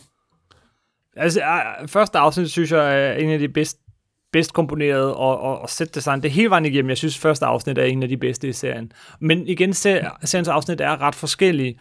Det, det der så er mindst forskelligt fra, fra andre, er måske afsnit 2. Afsnit 2, det, det fortsætter i samme setting. Det, det, det her, der er det sådan nogle, en del scener, hvor Mobius og Loke, de sidder sammen og prøver at finde, mere, øh, finde ud af mere om den her onde Loke, som de jo er på jagt efter. Der er blandt andet sådan en scenestart, hvor de sidder på, på det her kæmpe bibliotek, og, og det er filmet fuldstændig ligesom øh, Brad Pitt og Morgan Freeman i Seven, hvor de sidder og leder efter Nå John ja, Doe. okay. Og, okay. og så spiller de endda, øh, hvad hedder det, Bachs Overture nummer 3.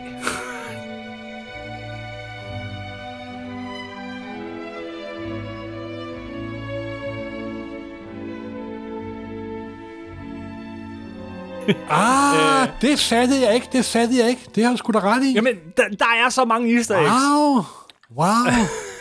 Men, men jeg er sådan, det her, det ser vi kan nå. Det, og det er samme tøj, og, og sådan noget, det var nærmest, det var, øh, det var så fedt.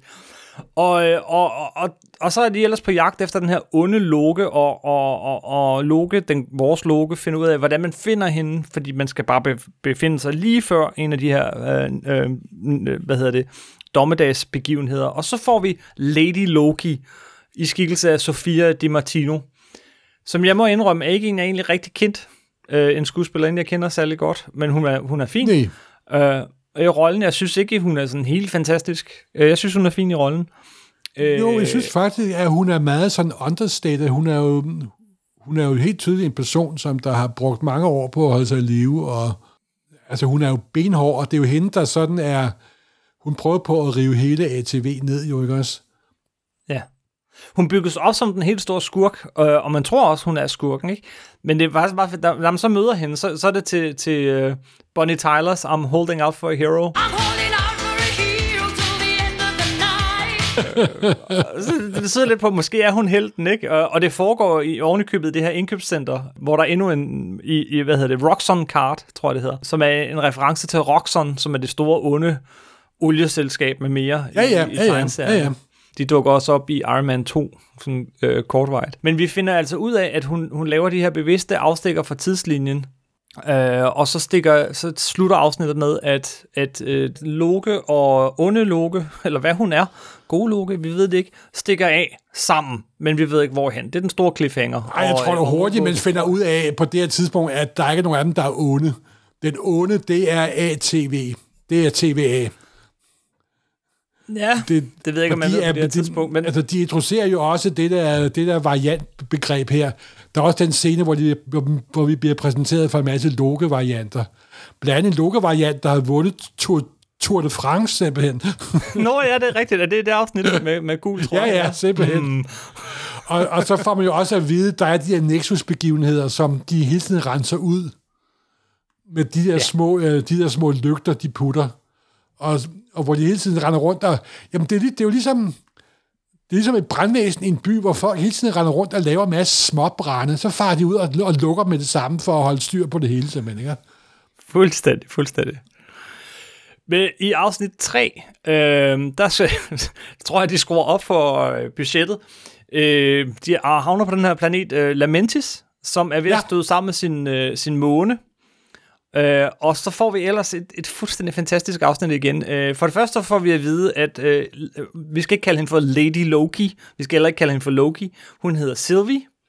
Sylvie? Og det er jo også lidt et, et, et, et, et clue for os tegneserielæsere i hvert fald, øh, fordi det øh, i Young Avengers, så, øh, så dukker der en, øh, en anden udgave, eller en, en yngre udgave af Enchantress op, som jo også Ja. er fra Thor tegneserierne. øh, Sim- som. Loke har givet sine kræfter. Så, så, så man tænker, åh, i virkeligheden er det Enchantress, det er slet ikke Loke, det er, det, det, de prøver at narre os, men det var, det var totalt sådan en red herring, eller jeg ved ikke, hvad det hedder på dansk. Men altså, det var sådan en falsk spor at kalde hende for Sylvie, tror jeg. Jo, Øhm, det og så får være. vi så får vi at vide, øh, jamen, en ting, der sådan fyldt meget på internettet, var, at vi får at vide, at Loke er biseksuel, men det, er sådan, det tænker jeg, det er ikke sådan super overraskende for os skandinaver. Ja, men åben- nej, åbenbart altså, andre. fordi han er jo en figur, der kan mange ting på mange punkter. Han er, og vi havde ham jo som Lady Loki i så lang, lang tid. Ja, præcis. Og, og, og som sagt, han er både far og mor. Um, ja.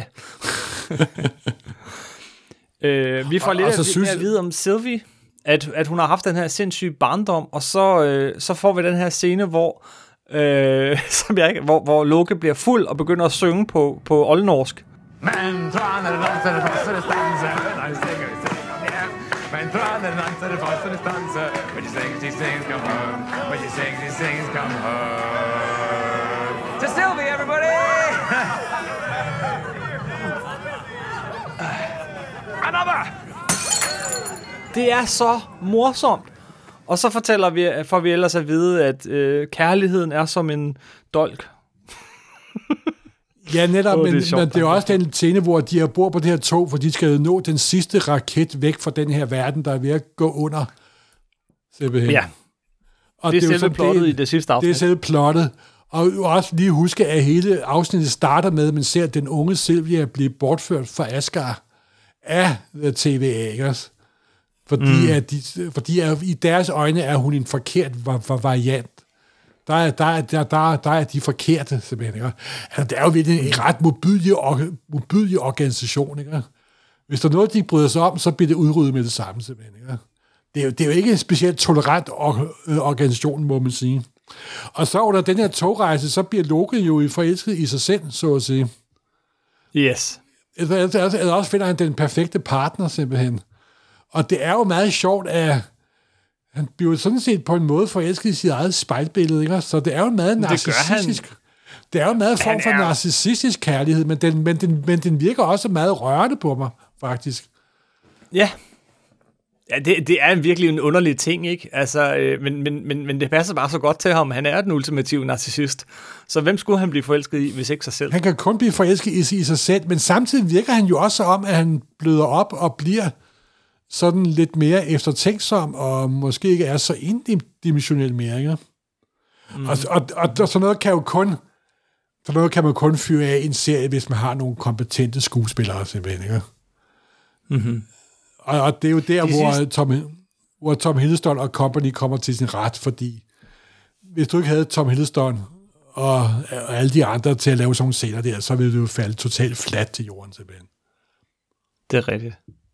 De sidste øh, 3-4-5 minutter af det her afsnit, hold kæft, det har kostet mange penge, hvor de, de, de, de, de, øh, de rører af toget, og så løber de igennem det her Blade Runner-land, øh, for at nå den sidste raket ud derfra, bare for ikke at nå det, og så slutter Det det, er sjovt, hvor, hvorfor har du de der Blade Runner-referencer i hovedet? Det, det fatter jeg ikke, ikke, ikke rigtigt. Hvorfor jeg har? Ja, øh, robotter og neonlys, og Ej, det er øh, da jeg bare synes, der, der er masser det er af det er da bare almindelig standard science fiction ku- ku- kulisser. kulisser jeg, ikke efter på, Blade Runner. jeg tænkte ikke på Blade Runner et eneste sekund, da, da jeg så det afsnit simpelthen. Okay, det gjorde jeg. Nå, jamen, det er Øhm, også helt, helt i orden. Men, men, men der slutter den, og så øh, næste afsnit hedder The Nexus Event.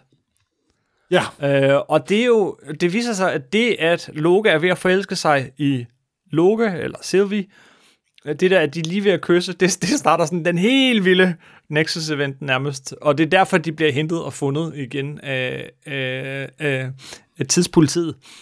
Øh, øh, TVA, Time Variant Authorities. Time Variance Authority. Ja. Øhm, og så begynder det øh, afsnit ellers med øh, øh, en ret herlig lille straf til Loke, hvor han kommer ind i sådan en time loop, tids, tidssløjfe, hvor han møder hvor han Sif. møder en usædvanlig pi- pissed off Sif. Yes. Som kommer og siger til ham, øh, du, er, du er alene, ingen elsker dig, du vil dø alene. Og det siger hun så igen og igen og igen. Faktisk meget fordi, fed han har, ting fordi er, han har skåret scenen- håret, han har skåret håret af hende. Det er jo henvisning til, til en gammel myte. Præcis, det er, nemlig, det er nemlig en henvisning til en gammel, øh, gammel myte fra nordisk mytologi. Det er meget fedt. Øh, men det var meget fedt at se Jimmy Alexander igen. Hun har ikke været op, med siden den anden. Nej, hun er med i to film, så vidt jeg husker. Er hun ikke også med i den der S.H.I.E.L.D.-tv-serie i et afsnit? Jo, hun er, med i, hun er med i et eller to afsnit af, af Agent of S.H.I.E.L.D. lige, lige i begyndelsen. Men, Men det er det, er også fedt. fedt, Ja, men- fedt at, men det er også fedt at se, at de, at de ikke glemmer de gamle skuespillere simpelthen, og hiver dem ind igen simpelthen. Og hun skal også være med i den næste Thor-film. Ah! Der er selvfølgelig, hvis øh, Love and Thunder og Thor så dukker, ja, okay, ja, der er et herligt trekantsdrama, kan jeg redde se fra mit indre blik. Ah, herligt, herligt. Nå, men, øh, men så øh, får øh, Sylvie simpelthen sådan en, en audiens hos, øh, hos øh, hvad hedder det, de her timekeepers, magthaverne, som ligesom står bag det hele, ikke? Og, og man kommer ind i det Ja. her rum, hvor at, at de er, og man tænker, hold da kæft, nu kommer de. Og så ligner det sådan tre dukker fra, fra Star Trek fra 1960, ikke? Ja, Fra 60'erne. Det, hvad det, så tænker, også, hvad er det? hvad det så også viser Hvad det så de også er. simpelthen. Yes. Og det er så først her, det går op for Mobius, at, at øh, øh, Ravona, hans chef der, er, er fuld af løgn. Øh, og at der er et eller andet helt galt, og at Loke faktisk... Om det går også op for ham, at de alle sammen, dem der arbejder på TVA, de er alle sammen var varianter. De er alle sammen blevet mm. fjernet fra tidslinjen og hjernevasket. Og så har de jo de der modbydelige stave, som de pruner, sådan lurer ud, som det hedder på dansk. De der udlugningsstave, de har, hvor de bare rører ved folk, mm. og så forsvinder de sådan... Det er også, altså det hedder prune, de kalder det pruning på, på, på engelsk. Og det er jo ligesom, når du tager et træ og skærer det til. Der er også masser mm. af billeder i det første, hvor du skærer tidslinjer af, hvor, hvor tiden er et stort træ, der vokser. Og alle de der udvækster, det er ligesom den der, der har en have, hvor alt er en snorlignende have, og lige så snart der er bare det mindste skud, der ser forkert ud, så bliver det sk- skåret af. Ikke? Altså, de der timekeepers og TVA, de er sådan rigtig mobydelige, gark, øh, ondskabsfulde gardner, der klipper alt ned, der vokser vildt simpelthen. Ikke? De klipper alt ned, der er frihed og initiativ og kreativitet og kærlighed. Det kan kun være en lige linje mod, mod uendeligheden simpelthen. Ikke? Det er de sande fascister simpelthen. simpelthen ikke? Men Ja, ja, så tror undskyld. man jo, at man dør, når man bliver prunet, men det gør man ikke.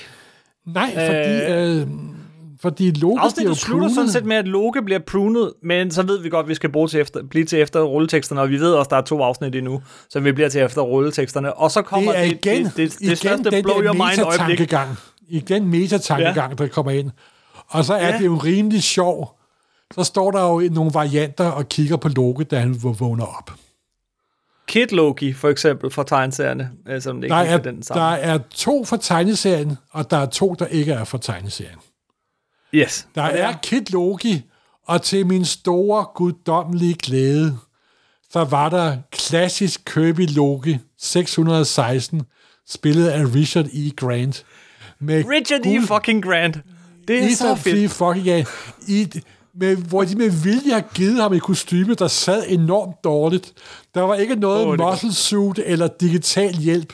Han lignede en, der havde klædt sig ud som Loke 616, med de rigtige horn og så videre, så videre. Det var fuldkommen oh. vidunderligt simpelthen. Og så var der øh, Brashful Loke, der var blevet til Thor, med sådan en hammer bestående af en stempel, eller hvad ikke hvad. Og så var der en alligator med en lille Loke-hjelm på. Den ja. ultimative variant, alligator-Loke simpelthen, altså. Åh, det var godt. Den er jo ikke. Det har jeg set mange sådan påstå, at den er fra tegneserierne. Det er den altså ikke. Jeg, jeg, jeg, kan, Nej. ikke, jeg, jeg kan ikke komme i tanke om en alligator-logo fra, fra tegneserierne. Men øh, kan da det der godt- lille ja, bitte ja, ja. slutbillede. Ja, jeg tror, det de tænker på, det er den berømte frø-historie, hvor Loke, hvor Thor bliver forvandlet til en frø. Der optræder der Det jeg faktisk alligatorer i, i den historie. Så Det gør der, men det er ikke Loke. Man kan, man kan er argumentere for, at det, at, at det stammer derfra selvfølgelig, men det er det ikke. Og så den der lille søde guld hat den havde på. Det var fuldstændig yeah. guddommeligt simpelthen. Og så er vi over i øhm, afsnit 5. Afsnit 5. Velkommen til The Void. Og det er jo på mange måder det, det mest underholdende af alle de seks afsnit, der er. Det er... Det, det, det, det er fuldstændig gak, det afsnit. Altså, og bare tænk på, hvor vi starter. Ikke? Vi starter med det her kontorlandskab og sådan noget, og nu er vi over i sådan en super science fiction idé med en, en, en, en, en, en, en tomhedsdimension, som de befinder sig i, øh, hvor at, at der, der dukker alle mulige objekter op fra forskellige ting. Altså, mens de bare kører igennem landskabet, så har vi øh, USS Eldridge, for eksempel, som er, er det her Ja. øh, krigsskib fra For- 2. verdenskrig, hvor, For hvor Philadelphia-eksperimentet. Øh, altså, det er jo rigtig lej- lej- lej- lejlighed til at fyre alle mulige påskeæg af, og det benytter de ved Gud også lejlighed til. Frøtor. Fordi-. Der er Frøtor dukker op. De, kameraet kører lige forbi, og så ser vi Frøtor. Jeg har tabt fuldstændig studien. Jeg tror, jeg sad og spolede tilbage tre gange for at se, hvad? Og hvem ved, måske er det faktisk vores tor. Det vil passe meget godt. Nå, men i, i, i og med, at den, det, er det der glas, som han er i, har samme nummer som det første nummer, den dukkede op i, og det ikke er den ja. Senere uh, Frog-tor, som der er fra en helt anden dimension. Så det er den korrekte omskabte tor, der er i det glas der. Det må det være. Det kan umuligt være andet. Nej, det er Det igen det der med, at det er sjovt, men det er ikke afgørende for at nyde afsnittet. Det er det altså ikke. Nej, nej. Men, men, men altså, hvis man snakker easter eggs, så godt kan lide easter eggs, så var de der øh, virkelig her. Der er også en Jo. helikopter, hvor der står Thanos bagpå. Ja, netop. Øh, den vil jeg sige, den er ikke fra Marvel-universet. Den er fra, fra sådan en, en øh, noget, der hedder Spidey Stories, som var sådan en slags øh, ja, øh, blad for børn, altså uden for kronologien. Men der er en helikopter, som Thanos flyver i, og der står Thanos bagpå, og det er en til en den helikopter, man ser i, i tv-serien. det Og så er der også der- også et det er jo også derfor, med, med Avengers-tårnet, hvor der står Queen på, som er ja. ja. det her firma, som, som, som, øh, som, som hvad hedder det, Kang bruger ude i fremtiden. Og så er der også det der med helikopter Thanos. At det der våben, Thanos bruger i slutningen af Endgame, det er jo lider, ligner meget to heli- helikopterpropeller. Okay, ja. Og, og, og han bruger dem jo også til at snurre rundt og så videre og så videre. Det er måske et meget dybt easter egg, det, det ved jeg ikke, det ved jeg ikke. Men summa summarum er, at du skal ikke tro, at du skal kunne alt det for at nyde serien. Det skal du endelig ikke tro. Det skal man selvfølgelig passe på med. For det tror jeg også skræmmer nogen væk, simpelthen, som jeg har vist sagt mere end en gang i løbet af den her podcast. Jo, oh, men det er så- sjovt. Det er sjovt for sådan nogen som os, Morten. Og det, det er sjovt for Jo. alle, tror jeg. Sådan, uh, Jo, så men jeg tror der. nu også, at man skal også passe på at bruge det for meget. Hvis du putter for meget salt i en mad, så smager den kun af salt nemlig. Ikke? Så jeg tror, de skal passe for meget med at overdække med easter egg, fordi det kan også gå hen og blive sådan en... Det er jo, det, det, formålet, formålet er ikke at vise det easter egg. Formålet er, at de skal være der en gang imellem for at, sådan at blinke til folk og sige, ja, vi ved godt, hvorfor vi gør det her, osv. osv. Men man skal også passe på at dynge for meget på, fordi så smager maden for, for salt, og så bliver den uspiselig. Og jeg tror, de er Tror, tror du, lige de gør på, det? det? Jeg tror, de er lige på nippet til det en gang imellem, faktisk. Men de har jo. Ja. klaret rimelig godt styr på, på, på deres ting. For det kan Jamen, også det kan godt være, at de blive gør det lidt for meget her. Altså, det kan godt være, at de gør det lidt for meget her. Jeg ved det Fordi ikke. det kan også jeg gå ved, hen, at og, gå hen og blive en krykke nærmest, ikke også?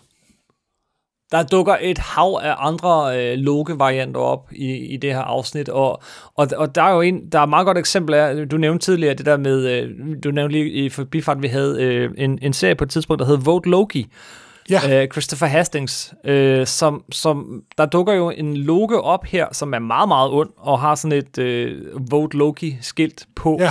Og, og det kan man jo godt se, det er bare en ond, eller en underre Loke, men man kan jo også tænke, åh, det er Loke fra den der miniserie, der hed Vote Loki fra 2013-14, eller hvornår den Nej, det var lidt senere, fordi det var i forbindelse med Trump. Det var desværre To- tabt Loke. Trump to, 2016. 2016. Ja. Nej, men det er jo også bare for at vise, at Loke altid overlever. Loke finder mm. altid en måde at lande på fødderne, på benene på, ikke?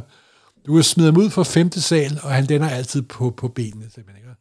Fordi han er den ultimative overlever, den ultimative manipulator, simpelthen. Ikke? Og den Loke, man ser der med Vote Loke-botten, det er jo sådan, sådan som vi regner med, at de fleste Loke er. Men så er der jo vores Loke, Tom Hiddleston-Loken, der er jo ved at blive en bedre Loke, fordi han har Mhm. mødt sin... Han er blevet forelsket i sig selv, og har indset, hvem han er, og hvorfor han er sådan. Ikke? Og så Men det skal er de de jo... tre, han... han er sammen med jo også, eller fire han er sammen med jo også, det er jo også de gode. Nej, altså ham sidste, der 600 Loke, altså ham Loke, der ligner Thor, han har jo lavet en, han har jo lavet en aftale med, med Vogt Loke for at overtage det hele, ikke også? Det er og så sandt. bliver Øh, Alligator men- Loke jo sur og bider hånden af så, altså Vogt Loke. så åndssvagt. Det er det mest, det er det mest, ja. Åh. Åh, oh, det er godt. Øhm, men men, men, men uh, Kid Loki og jeg tror, han bliver kaldt 616 Loke, Richard E. Grant Loke, øh, hjælper dem så øh, med at stikke af, efter øh, Mobius er vendt tilbage, og Sylvia har lavet sig selv blive prunet, og også kommet ind i det her øh, Void-univers. Og så, så lykkes det på grund af Richard E. Grant, øh, Loke, at stikke af derfra. Han, laver den, han får genskabt hele Valhalla, han får, dis, får distraheret det her underlige monster, som på mange måder ligner en hund. Altså, der kunne godt være lidt Fenris Det er- det er over Fenris-ulven, Fenris, selvfølgelig som det det. vogter indgangen til dødsriget i nordisk mytologi. Hvad Nej, nej, nej, nej, Morten? den vogter ikke indgangen til dødsriget i nordisk mytologi. Du Den- blander, hvad- hvad du, blander, du blander, den vogter ikke noget som helst. Jeg blander noget sammen. Det kan Det jeg godt er, høre. øh, ja, du, det er, Det gør den, det er rigtigt. Det er ved Cerebus, du, hvad jeg du, blander du sammen? tænker på. Ja, ja græsk. nej, ja, nej, men jeg vil give Walter Simonson skylden, fordi den, øh, øh, den vogter nemlig indgang til hel i, øh, i Walter Simonsons tro. Ja, men det gør og det er det, jeg altså tænker ikke i- på, og, og det, det gør den ikke i nordisk i mytologi, det er virkeligheden. rigtigt. I know. Tak for at rette på mig denne ene gang, siger jeg tak. Tak, tak, tak. ikke at jeg på nogen måde skal gøre mig til ekspert på nordisk mytologi, simpelthen. Men, men, men nej, du har ret. Men anyway, den ligner, den ligner Fenris lidt. Øhm, Ja, altså det er et uhyre for tegneserie, men den måde, de har lavet den på, der minder det meget om Fenrisulven. Og så er det jo, og så lykkes den jo øh, Silvia og Loke og charmere Fenrisulven, og så er det jo også Lokes eget barn jo, ikke også? Så ja. Men det er Og det når de- Fenrisulven, fordi Fenrisulven dukker jo op allerede i Thor-filmene, så jeg tror ikke, det er Fenrisulven. Det, det skal nej, nej, nej, nej, nej, det nej, en men, men, men det, det ligner en ulv. Mm-hmm. Det, det, ligner et, øh, det ligner et væsen. Det har fire ben, og der har en kæbe. Så man må godt kalde det for en slags kosmisk fenrisulv. Eller også er det bare De sådan vender et- tilbage. et- Ja, ja. De lykkedes dem og så slippe af fra The Void, komme tilbage, og så Ja, kommer 6. Nej, og, ikke tilbage. Og, og, til Kim, Kim din, din tidsopfattelse er meget mærkelig. Der er ikke noget, der er frem og tilbage her. De skal jo nå enden. De skal nå ham, der sidder og styrer det hele for enden af tiden. Ham, ham, der er tilbage, ham, der trækker i alle trådene, han sidder ved altids ende i sit slot og styrer alt. Det er jo ham, og, de skal og der kommer, der kommer Sylvia Lo, øh, Loke hen, men, men, men, men, øh, men hvad hedder det, øh, øh, Owen Wilsons Mobius kommer tilbage til TVA og konfronterer ja. sin chef. Øh, det var det, jeg ville... Ja. Og, og der er det hele ved at, at bryde sammen, og hende der Miss Minute, som der hvis ikke er 100%, øh, har 100% ren men i posen. Hun finder jo filer frem, men ikke de korrekte filer, og, mm-hmm. og så får man den fornemmelse af, at de begynder at lægge til. På det tidspunkt begyndte jeg at tænke, hør, der er kun øh, 25 minutter tilbage, hvordan vil de klare alt det her på 25 minutter? Ikke? også? Så begyndte jeg sådan ja, at få Ja, ja, ja. mistanke om, at ah, der er måske en sæson til. Men så kommer Sjette de og til sidste det afsnit er, er ret, øh, altså det var ret kontroversielt, eller hvad man skal sige, der, der, er- jeg var helt vild med det, men der er også mange, der er blevet rimelig pissed over det, og jeg forstår egentlig godt, hvorfor. Men det kan vi måske vende tilbage til. Jo, Du ved at fordi, sige- at, fordi at når man kommer til 6. afsnit, som vi er til nu, går jeg, går jeg ud fra, Ja, det er det, vi er i gang med. så er det jo igen det der med, at de giver ikke folk, hvad de forventer, men hvad de har brug for, ikke? Og det er fuldstændig... Jo, men jeg ved, jeg ved godt, og jeg måske prøver på at efterrationalisere ret kra- kraftigt her. Ja, For jeg, for jeg også, da jeg så det første gang, så tænkte jeg, "Nå, det var da lidt mærkeligt. På den anden side synes jeg også, det var enormt fedt, at de lavede noget, der var totalt uventet. Ikke? Det ender med, at man finder ikke the, the all-powerful Kang the Conquer, men får sådan en goofball, fjollet udgave af Kang the Conquer, ikke? der mere minder mm. om en, der er på, der er på stoffer og halvfuld, og, og hej med jer, og så videre, så videre. Men han er også samtidig the man behind the curtain, ligesom Wizard of Oz, ikke også? Han er jo ikke mm. the great and powerful Oz, han er en gammel forvirret mand, der trykker på en masse knapper, ikke også? jeg synes, øh, øvrigt, spiller Jonathan uh, Majors fra, fra Lovecraft County. Uh, han er, uh, jeg synes, det var super fedt, og han er super underholdende, og han er skæv og uventet og, og mærkelig, og, og, og alt det her. Det kritikken går på, er, eller det, det er, at, at sidste afsnit langt hen ad vejen var en lang samtale, en, en lang enetale nærmest. Ham, der sidder og forklarer Nå, det, hele plottet. Det, det var det, det bestemt også. Men det var det, Det var det og, og jeg, jeg kunne godt lide det, men jeg kan godt forstå, hvorfor nogen ikke kunne lide det. Det bliver sammenlignet, og det synes jeg, eh, jeg kan godt forstå igen, det bliver sammenlignet med Matrix-filmen, som, som nærmest kulminerer med, en, at, at, at der sidder den her arkitekt og sidder og Vil du forklarer venligst holde op med at sammenligne den her fremragende Jeg sammenligner med- ikke. Jeg siger, de- det er blevet sammenlignet med Jeg Matrix. Må jeg lige snakke færdig?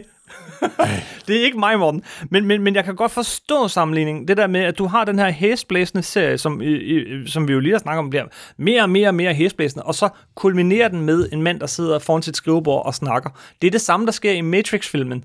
Forskellen er, at ham her, han er underholdende. Men hvis nu man ikke synes, han er underholdende, så kan jeg godt forstå, at man får lidt samme fornemmelse.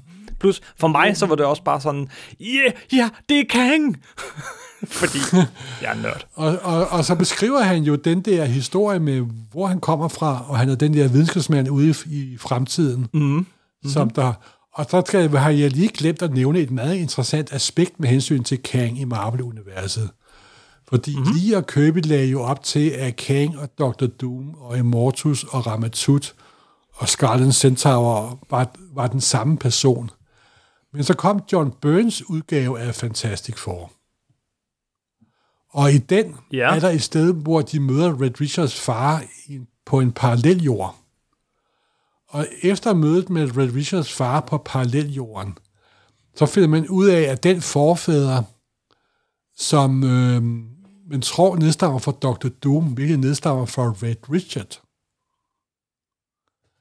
Om, Ja. de vil bringe, om, de, om de vil bringe det aspekt ind i MCU, det ved jeg ikke. Eller de holder sig helt væk fra hele den der Dr. Doom, Red Richard-kronologi. Så i den moderne Marvel-kronologi, altså nu snakker vi 616 Marvel-kronologi, så nedstammer Kang ikke længere fra Dr. Doom, men fra Red Richard, simpelthen. Det kan jo godt være, nu sidder vi og gidsner om fremtiden, det kan da godt være, at de vil bruge Kang her, som bliver hovedskurken, tydeligvis øh, her og i, øh, i øh, hvad hedder det, øh, den næste Ant-Man-film, og, og hele det her multivers, som hele den her serie jo ligger op til, altså What If-serien, der kommer, Multiverse of Madness, Spider-Man 3, hvor både Tobey Maguire og Andrew Garfield... Øh, hvor, øh, hvor alle er med. Ja, øh, og, og, og, men det kan da godt være, at, at, at de tænker, at fordi Kang nedstammer fra enten Reed Richards eller Dr. Doom, at de også kan bruge ham som springstar, øh, springbræt til den næste fase i Marvel-universet, Det som kunne- så det nok kunne bliver man en fantastisk mene om- fars fase. Det kunne være fedt, hvis det hang sammen på den måde. Det kan, altså, de har garanteret tænkt tanken, det er i hvert fald 100 procent sikkert. Men det, jeg faktisk enormt godt kunne lide ved det afsnit, det var, at samtidig med, at han kom med sine forklaringer, så var der de der animerede små statuetter, der viste, hvad der foregik simpelthen. Mm-hmm. Og det synes jeg var lavet så elegant på en anden mærke, i stedet for at de viste flashback eller en film, så var det stadig det der sådan lidt gamle, øh, brune besidderinteriør med, med kandelabre og ravne. De kommer til sådan et rigtig gammelt, sådan øh, gotisk hus, ikke også? Hvor, hvor mm-hmm. alting er ravnet og i forfald, og der er støv og undergang alle vegne, og så sidder det der nærmest halv, halvforvirrede menneske der og snakker om, at han har ultimativ magt, og finder ud af, at den styrende magt ligger blandt styrende, men er en galning nærmest, ikke også? Og, og så den måde, de beskriver det der med de der små statuetter, der forandrer sig hele tiden, det synes jeg var meget elegant. Det må jeg ærligt indrømme, altså. Hvad synes du om uh, Silvies opførsel her? Øhm, Jo, men hun har hele, lige siden hun blev bortført som en lille bitte pige fra sin lykkelige barndom, har været på flugt og bliver prøvet at slå hende ihjel. Der har hun kun haft en eneste tanke, det er at få hævn over den person, der bortført hende fra sin barndom. Det er da klart, at hun ikke forandrer sig. Åh ja, det er jo helt i orden alligevel. Selvfølgelig har da kun én tanke i hovedet. Det er at slå den, det dumme svin ihjel simpelthen, ikke også? Er hun sådan, når hun slår det dumme svin ihjel, er årsag til, at den virkelige Kang bliver skabt? Det er noget helt ja. andet. Og hun er fanget i en... Han, han kommer jo også med en bemærkning lige før han forsvinder med Here we go again, og så videre. Ikke? Det er jo ikke første gang, det er sket. Tidslykker, det er også noget, science fiction-litteraturen ender, øh, elsker med, at figurerne er fanget i uendelige tidslykker, der gentager sig og get, ligesom en Möbius-bånd, ikke også? Han hedder jo M. Möbius, M. Möbius, Ja, ikke også? ja, ja. Og da Tony Stark opfinder tidsrejsen i um, uh, uh, Avengers uh, Endgame, der er det jo også en Möbius-bånd, ikke også? Så det hele hænger sammen simpelthen, ikke også? Ja. Så jeg, En sidste så jeg, kritik, som, som jeg... Ja, undskyld. Øh, Gør Nå, det det er bare vil jeg sige, at jeg synes, det var ikke det mest tempofyldte sidste afsnit. Der var ikke Nej. noget med, I am all powerful, og en masse effekter. Og det var det, jeg synes, der var så fedt. Det endte med en mand, der sad og snakkede bag en disk. Der var ikke, ikke, der var ikke den der, der var ikke the booming voice, I am the all powerful king. uh, ham skal vi nok få næste gang, vi ser ham. Så er han garanteret Jeg- the booming voice og all powerful. Vi fik noget helt andet, og det er det, er det jeg synes, der er så fedt simpelthen. Jeg synes, at det var pissefedt som afsnit. Som afslutning, synes jeg ikke, det var den mest effektive måde at gøre tingene på. Men, Men og, og det, det er også var det, heller meget ikke kritik nogen går på, hvad med, hvad med alle de her løse ender, hvad med alt det her? Men det var heller ikke nogen afslutning. Nej, og der blev jeg og- Men det var overrasket. heller ikke, der blev jeg også overrasket. Sæson 2, fordi det var ikke blevet annonceret. Men, Nej, det var netop det, der var så Øhm, fedt. ja, det var ikke planlagt. Øh, Nej, den, men den det blev Kim, optaget under... Er det ikke rart, den, at du Morten- sad og bliver overrasket over noget, du ikke vidste i forvejen, da det der, det der stempel kom, sæson 2. Wow, simpelthen. Jo, jeg ved ikke, jeg synes heller ikke noget, ja, det ved jeg ikke, om det var en god sæsonafslutning eller noget, men jeg ved, at der er nogle ydre omstændigheder, som også var skyld i det her. Der var kun planlagt en sæson. Der har hele tiden kun været planlagt en sæson. Øh, instruktøren vender heller ikke tilbage i en sæson 2, men der var planlagt 12 afsnit, og de har skrevet 12 afsnit. Så vidt jeg har forstået, har de endda allerede filmet afsnit 7 og 8, men så kom pandemien, eller det Gud, meste det var ikke afsnit klar 7 og over. 8, så Det kom pandemien, og derfor blev de nødt til at stoppe serien tidligere, og så tænkte de, det her er det bedste sted at stoppe den. Så, Det så de har jeg- gået fra en, en, en, en, en plan om, om en lang serie, som er så blevet til en kortere serie, og, og så et eller andet sted derunder, jeg kender ikke omstændigheden, så har de så åbenbart besluttet sig for at gøre den færdig i sæson 2, i stedet for at komprimere hele historien til de afsnit, de kunne nå. Ah. Så der er også nogle ydre omstændigheder, som gør det. Det var jeg ikke klar over. Og, og så har de så åbenbart fået alle på nær instruktøren med på øh, at, at fortsætte den. Hvor mange afsnit til sæson 2 så kommer til at bestå af, ved jeg ikke. Og om, om den så foregår før eller efter øh, Doctor Strange-filmen. Jeg kunne forestille mig, at den kom før, det ved, men jeg ved det ikke. Men det er med til at forklare, at det, den slutter så, så abrupt. Ah, ej, det er jo både lidt irriteret over, og meget, meget interessant, og lyder meget in- interessant. Jeg havde jo håbet, Det er du lidt at det var irriteret noget, over. De, jamen, jeg havde håbet, det var noget, de havde planlagt hele, hele vejen, men det var det altså ikke. Det var, de har gjort en dyd af, en dyd af, en, øh, af en nødvendighed. Det er også helt i orden. Det er også helt i Ja. orden. Man skal være i stand til at kunne skifte, når man bliver fordret, og ja, den forrige øh, Marvel-serie var jo også påvirket af pandemien, så det er jo selvfølgelig meget forståeligt. Men, men, men, men, men, men for mig, der, der virker det altså ret fedt, det må jeg jo indrømme, fordi at, at fordi jeg bliver overrasket simpelthen, ikke? Det er mm. bare ikke det, man forventede. Og det var det, jeg synes, der var så fedt simpelthen. Jeg var, Og så også jeg til var- sidst, det er også til sidst, hvor uh, Ravenloft, eller hvad hun hedder, går igennem døren og siger, jeg vil finde den eneste person, der har fri vilje.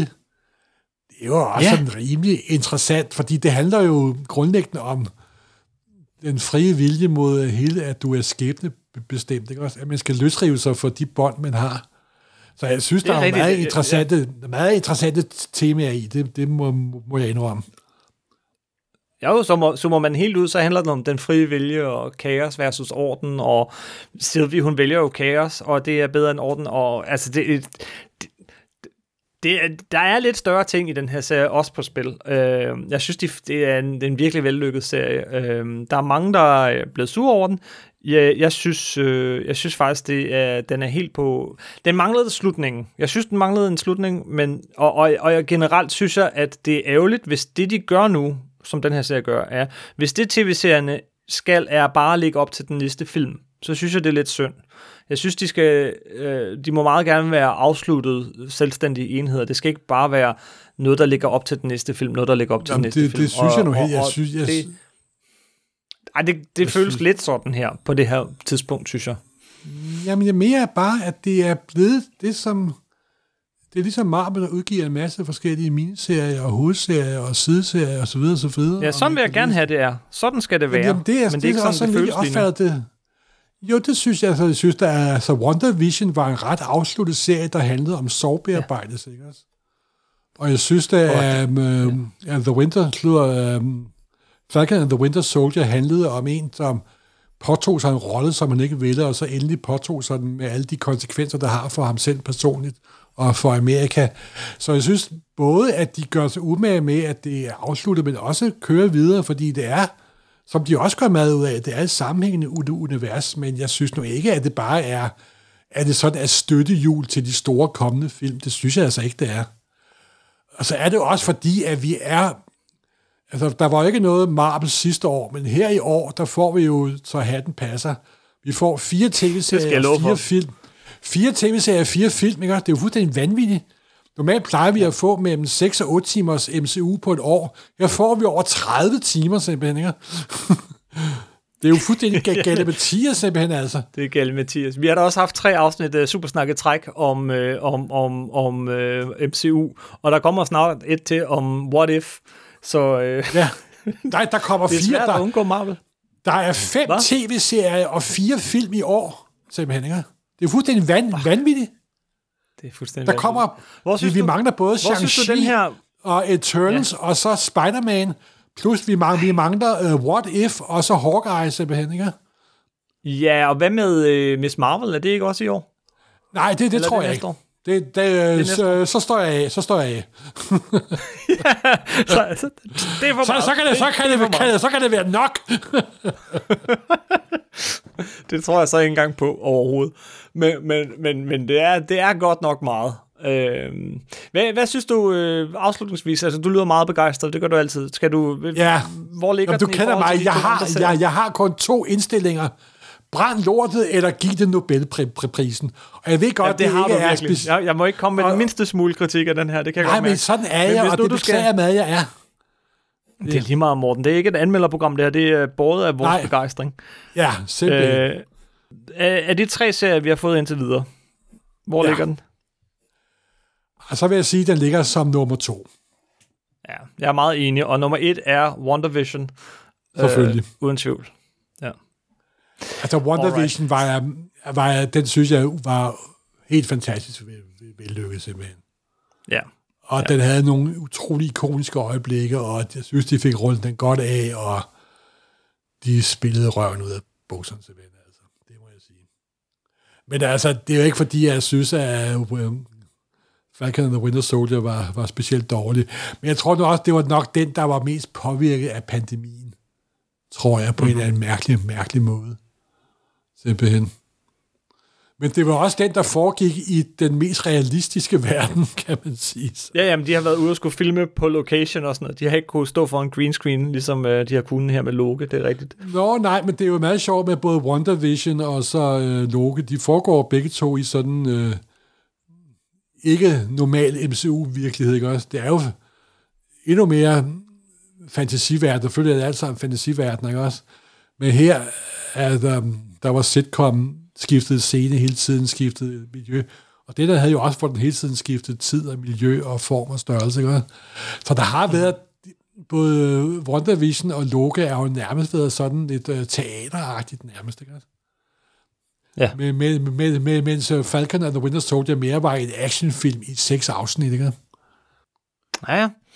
Øhm, jeg tror, vi skal til at runde af. Det er blevet en lang Ja. snak. Øh, men, Ja, det- øh, det bliver og- det men Vi har altid. været Det omkring, bliver det altid. det bliver det altid. Ja, de bliver længere og længere. Øh, vi har været omkring Loke i nordisk mytologi, Loke i tegneserierne og Loke på tv. De sidste to nævnte, måske alle tre, er jeg ret sikker på, at vi vender tilbage til igen i Supersnak. I hvert fald så skal, er øh, næste punkt på dagsordenen for mig, det er at få læst Jason Aarons Thor tegneserie, som jeg ved, du også er meget begejstret for. Så vil jeg se at få, at få genlæst Walt Simonsons Thor, for jeg kan godt mærke, at det er en lang, lang tid siden, jeg har læst den sidst. Gør det, og så vil jeg altså også, øh, så vil jeg i hvert fald, øh, når du er færdig med dem, så vil jeg låne dig uh, John Michael Straczynskis run, hvis du ikke har det. Uh, det, det, det, har jeg da, det, det har jeg det da, det har jeg da. Det, det har jeg da, og jeg har også læst det. Jamen, så ophøjer vi til, at der er fire gode torperioder i stedet for kun tre gode torperioder. You can trust me. Loki, I've studied almost every moment of your entire life. You've literally stabbed people in the back like 50 times. Why never do it again? Du kan fortælle os, hvad du synes. Det er der mange af jer, der allerede har gjort. Der er nogen, der er helt vilde med, øh, med Lokesand. Der er også nogen, der, der virkelig skælder ud på den. Det var der i øvrigt også som Black Widow, øh, Morten. Der, vi får skældt ud for at være alt for ukritiske. At det i virkeligheden er, er en, en rigtig skidt film, som er rigtig dårligt øh, fortalt og, og øh, alt for langsom. Og jeg er slet ikke enig. Jamen, det, det er sjovt, når nørder som også kommer op og diskuterer. Så mm. kan diskussionen jo tit blive meget følelsesagtige og højt råbende. Men det er jo fordi, at vi virkelig diskuterer noget, der ikke betyder noget. Ikke? Det er jo ikke noget ja. med, at der er mistet dit arbejde, eller du er blevet syg, eller dine forældre er ved at dø, eller så videre, så videre. Så derfor kan man investere en masse følelser i noget, der virkelig ikke betyder noget. Det er jo derfor, alle de her diskussioner er så sjove, nemlig. Ikke? Og så længe man kan gøre det med et smil på læben, så synes jeg, det er helt i orden. Og selvfølgelig skal folk sgu ikke have samme mening som mig, altså. Det er sgu da helt sikkert. Nej. Altså. Men øh, vi vil faktisk meget gerne høre fra jer, øh, hvad I synes. Man må gerne være uenig. Det er dejligt. Så længe man ikke bliver sur på hinanden, og man synes noget andet, fordi så er man fjollet. Men, men det er faktisk rigtig fedt at høre fra jer. Og det er også, nogle gange kommer jeg også til at sige, Nå, det, det kan godt være, du har ret fra dit Jamen perspektiv. Kim, du er et mere tolerant. Jeg er meget enøjet og skråsikker. Du, du er ikke nær så enøjet og skråsikker, så, som jeg er, vel? Nej. Det må være godt at have din selvsikkerhed, Morten. Nej, skråsikkerhed tror jeg mere, vi skal kalde det. Lad os kalde det det. Så det er inde på uh, facebook.com supersnak podcast og uh, inde på nummer 9.dk. Uh, vi er også på Twitter, at Kim Helt og at Marvel Morten, og uh, Instagram selvfølgelig, hvor uh, vi bliver ved med at lægge nogle, nogle billeder ud, som måske dykker lidt ned i nogle af de her easter eggs og, og forskellige ting. Altså det, det, det er et meget sjovt sted at være. Skal vi sige tak for den gang, og uh, så er der jo faktisk Supersnak igen om ikke så frygtelig længe. Tak for den gang. Ja, hej hej. Hej.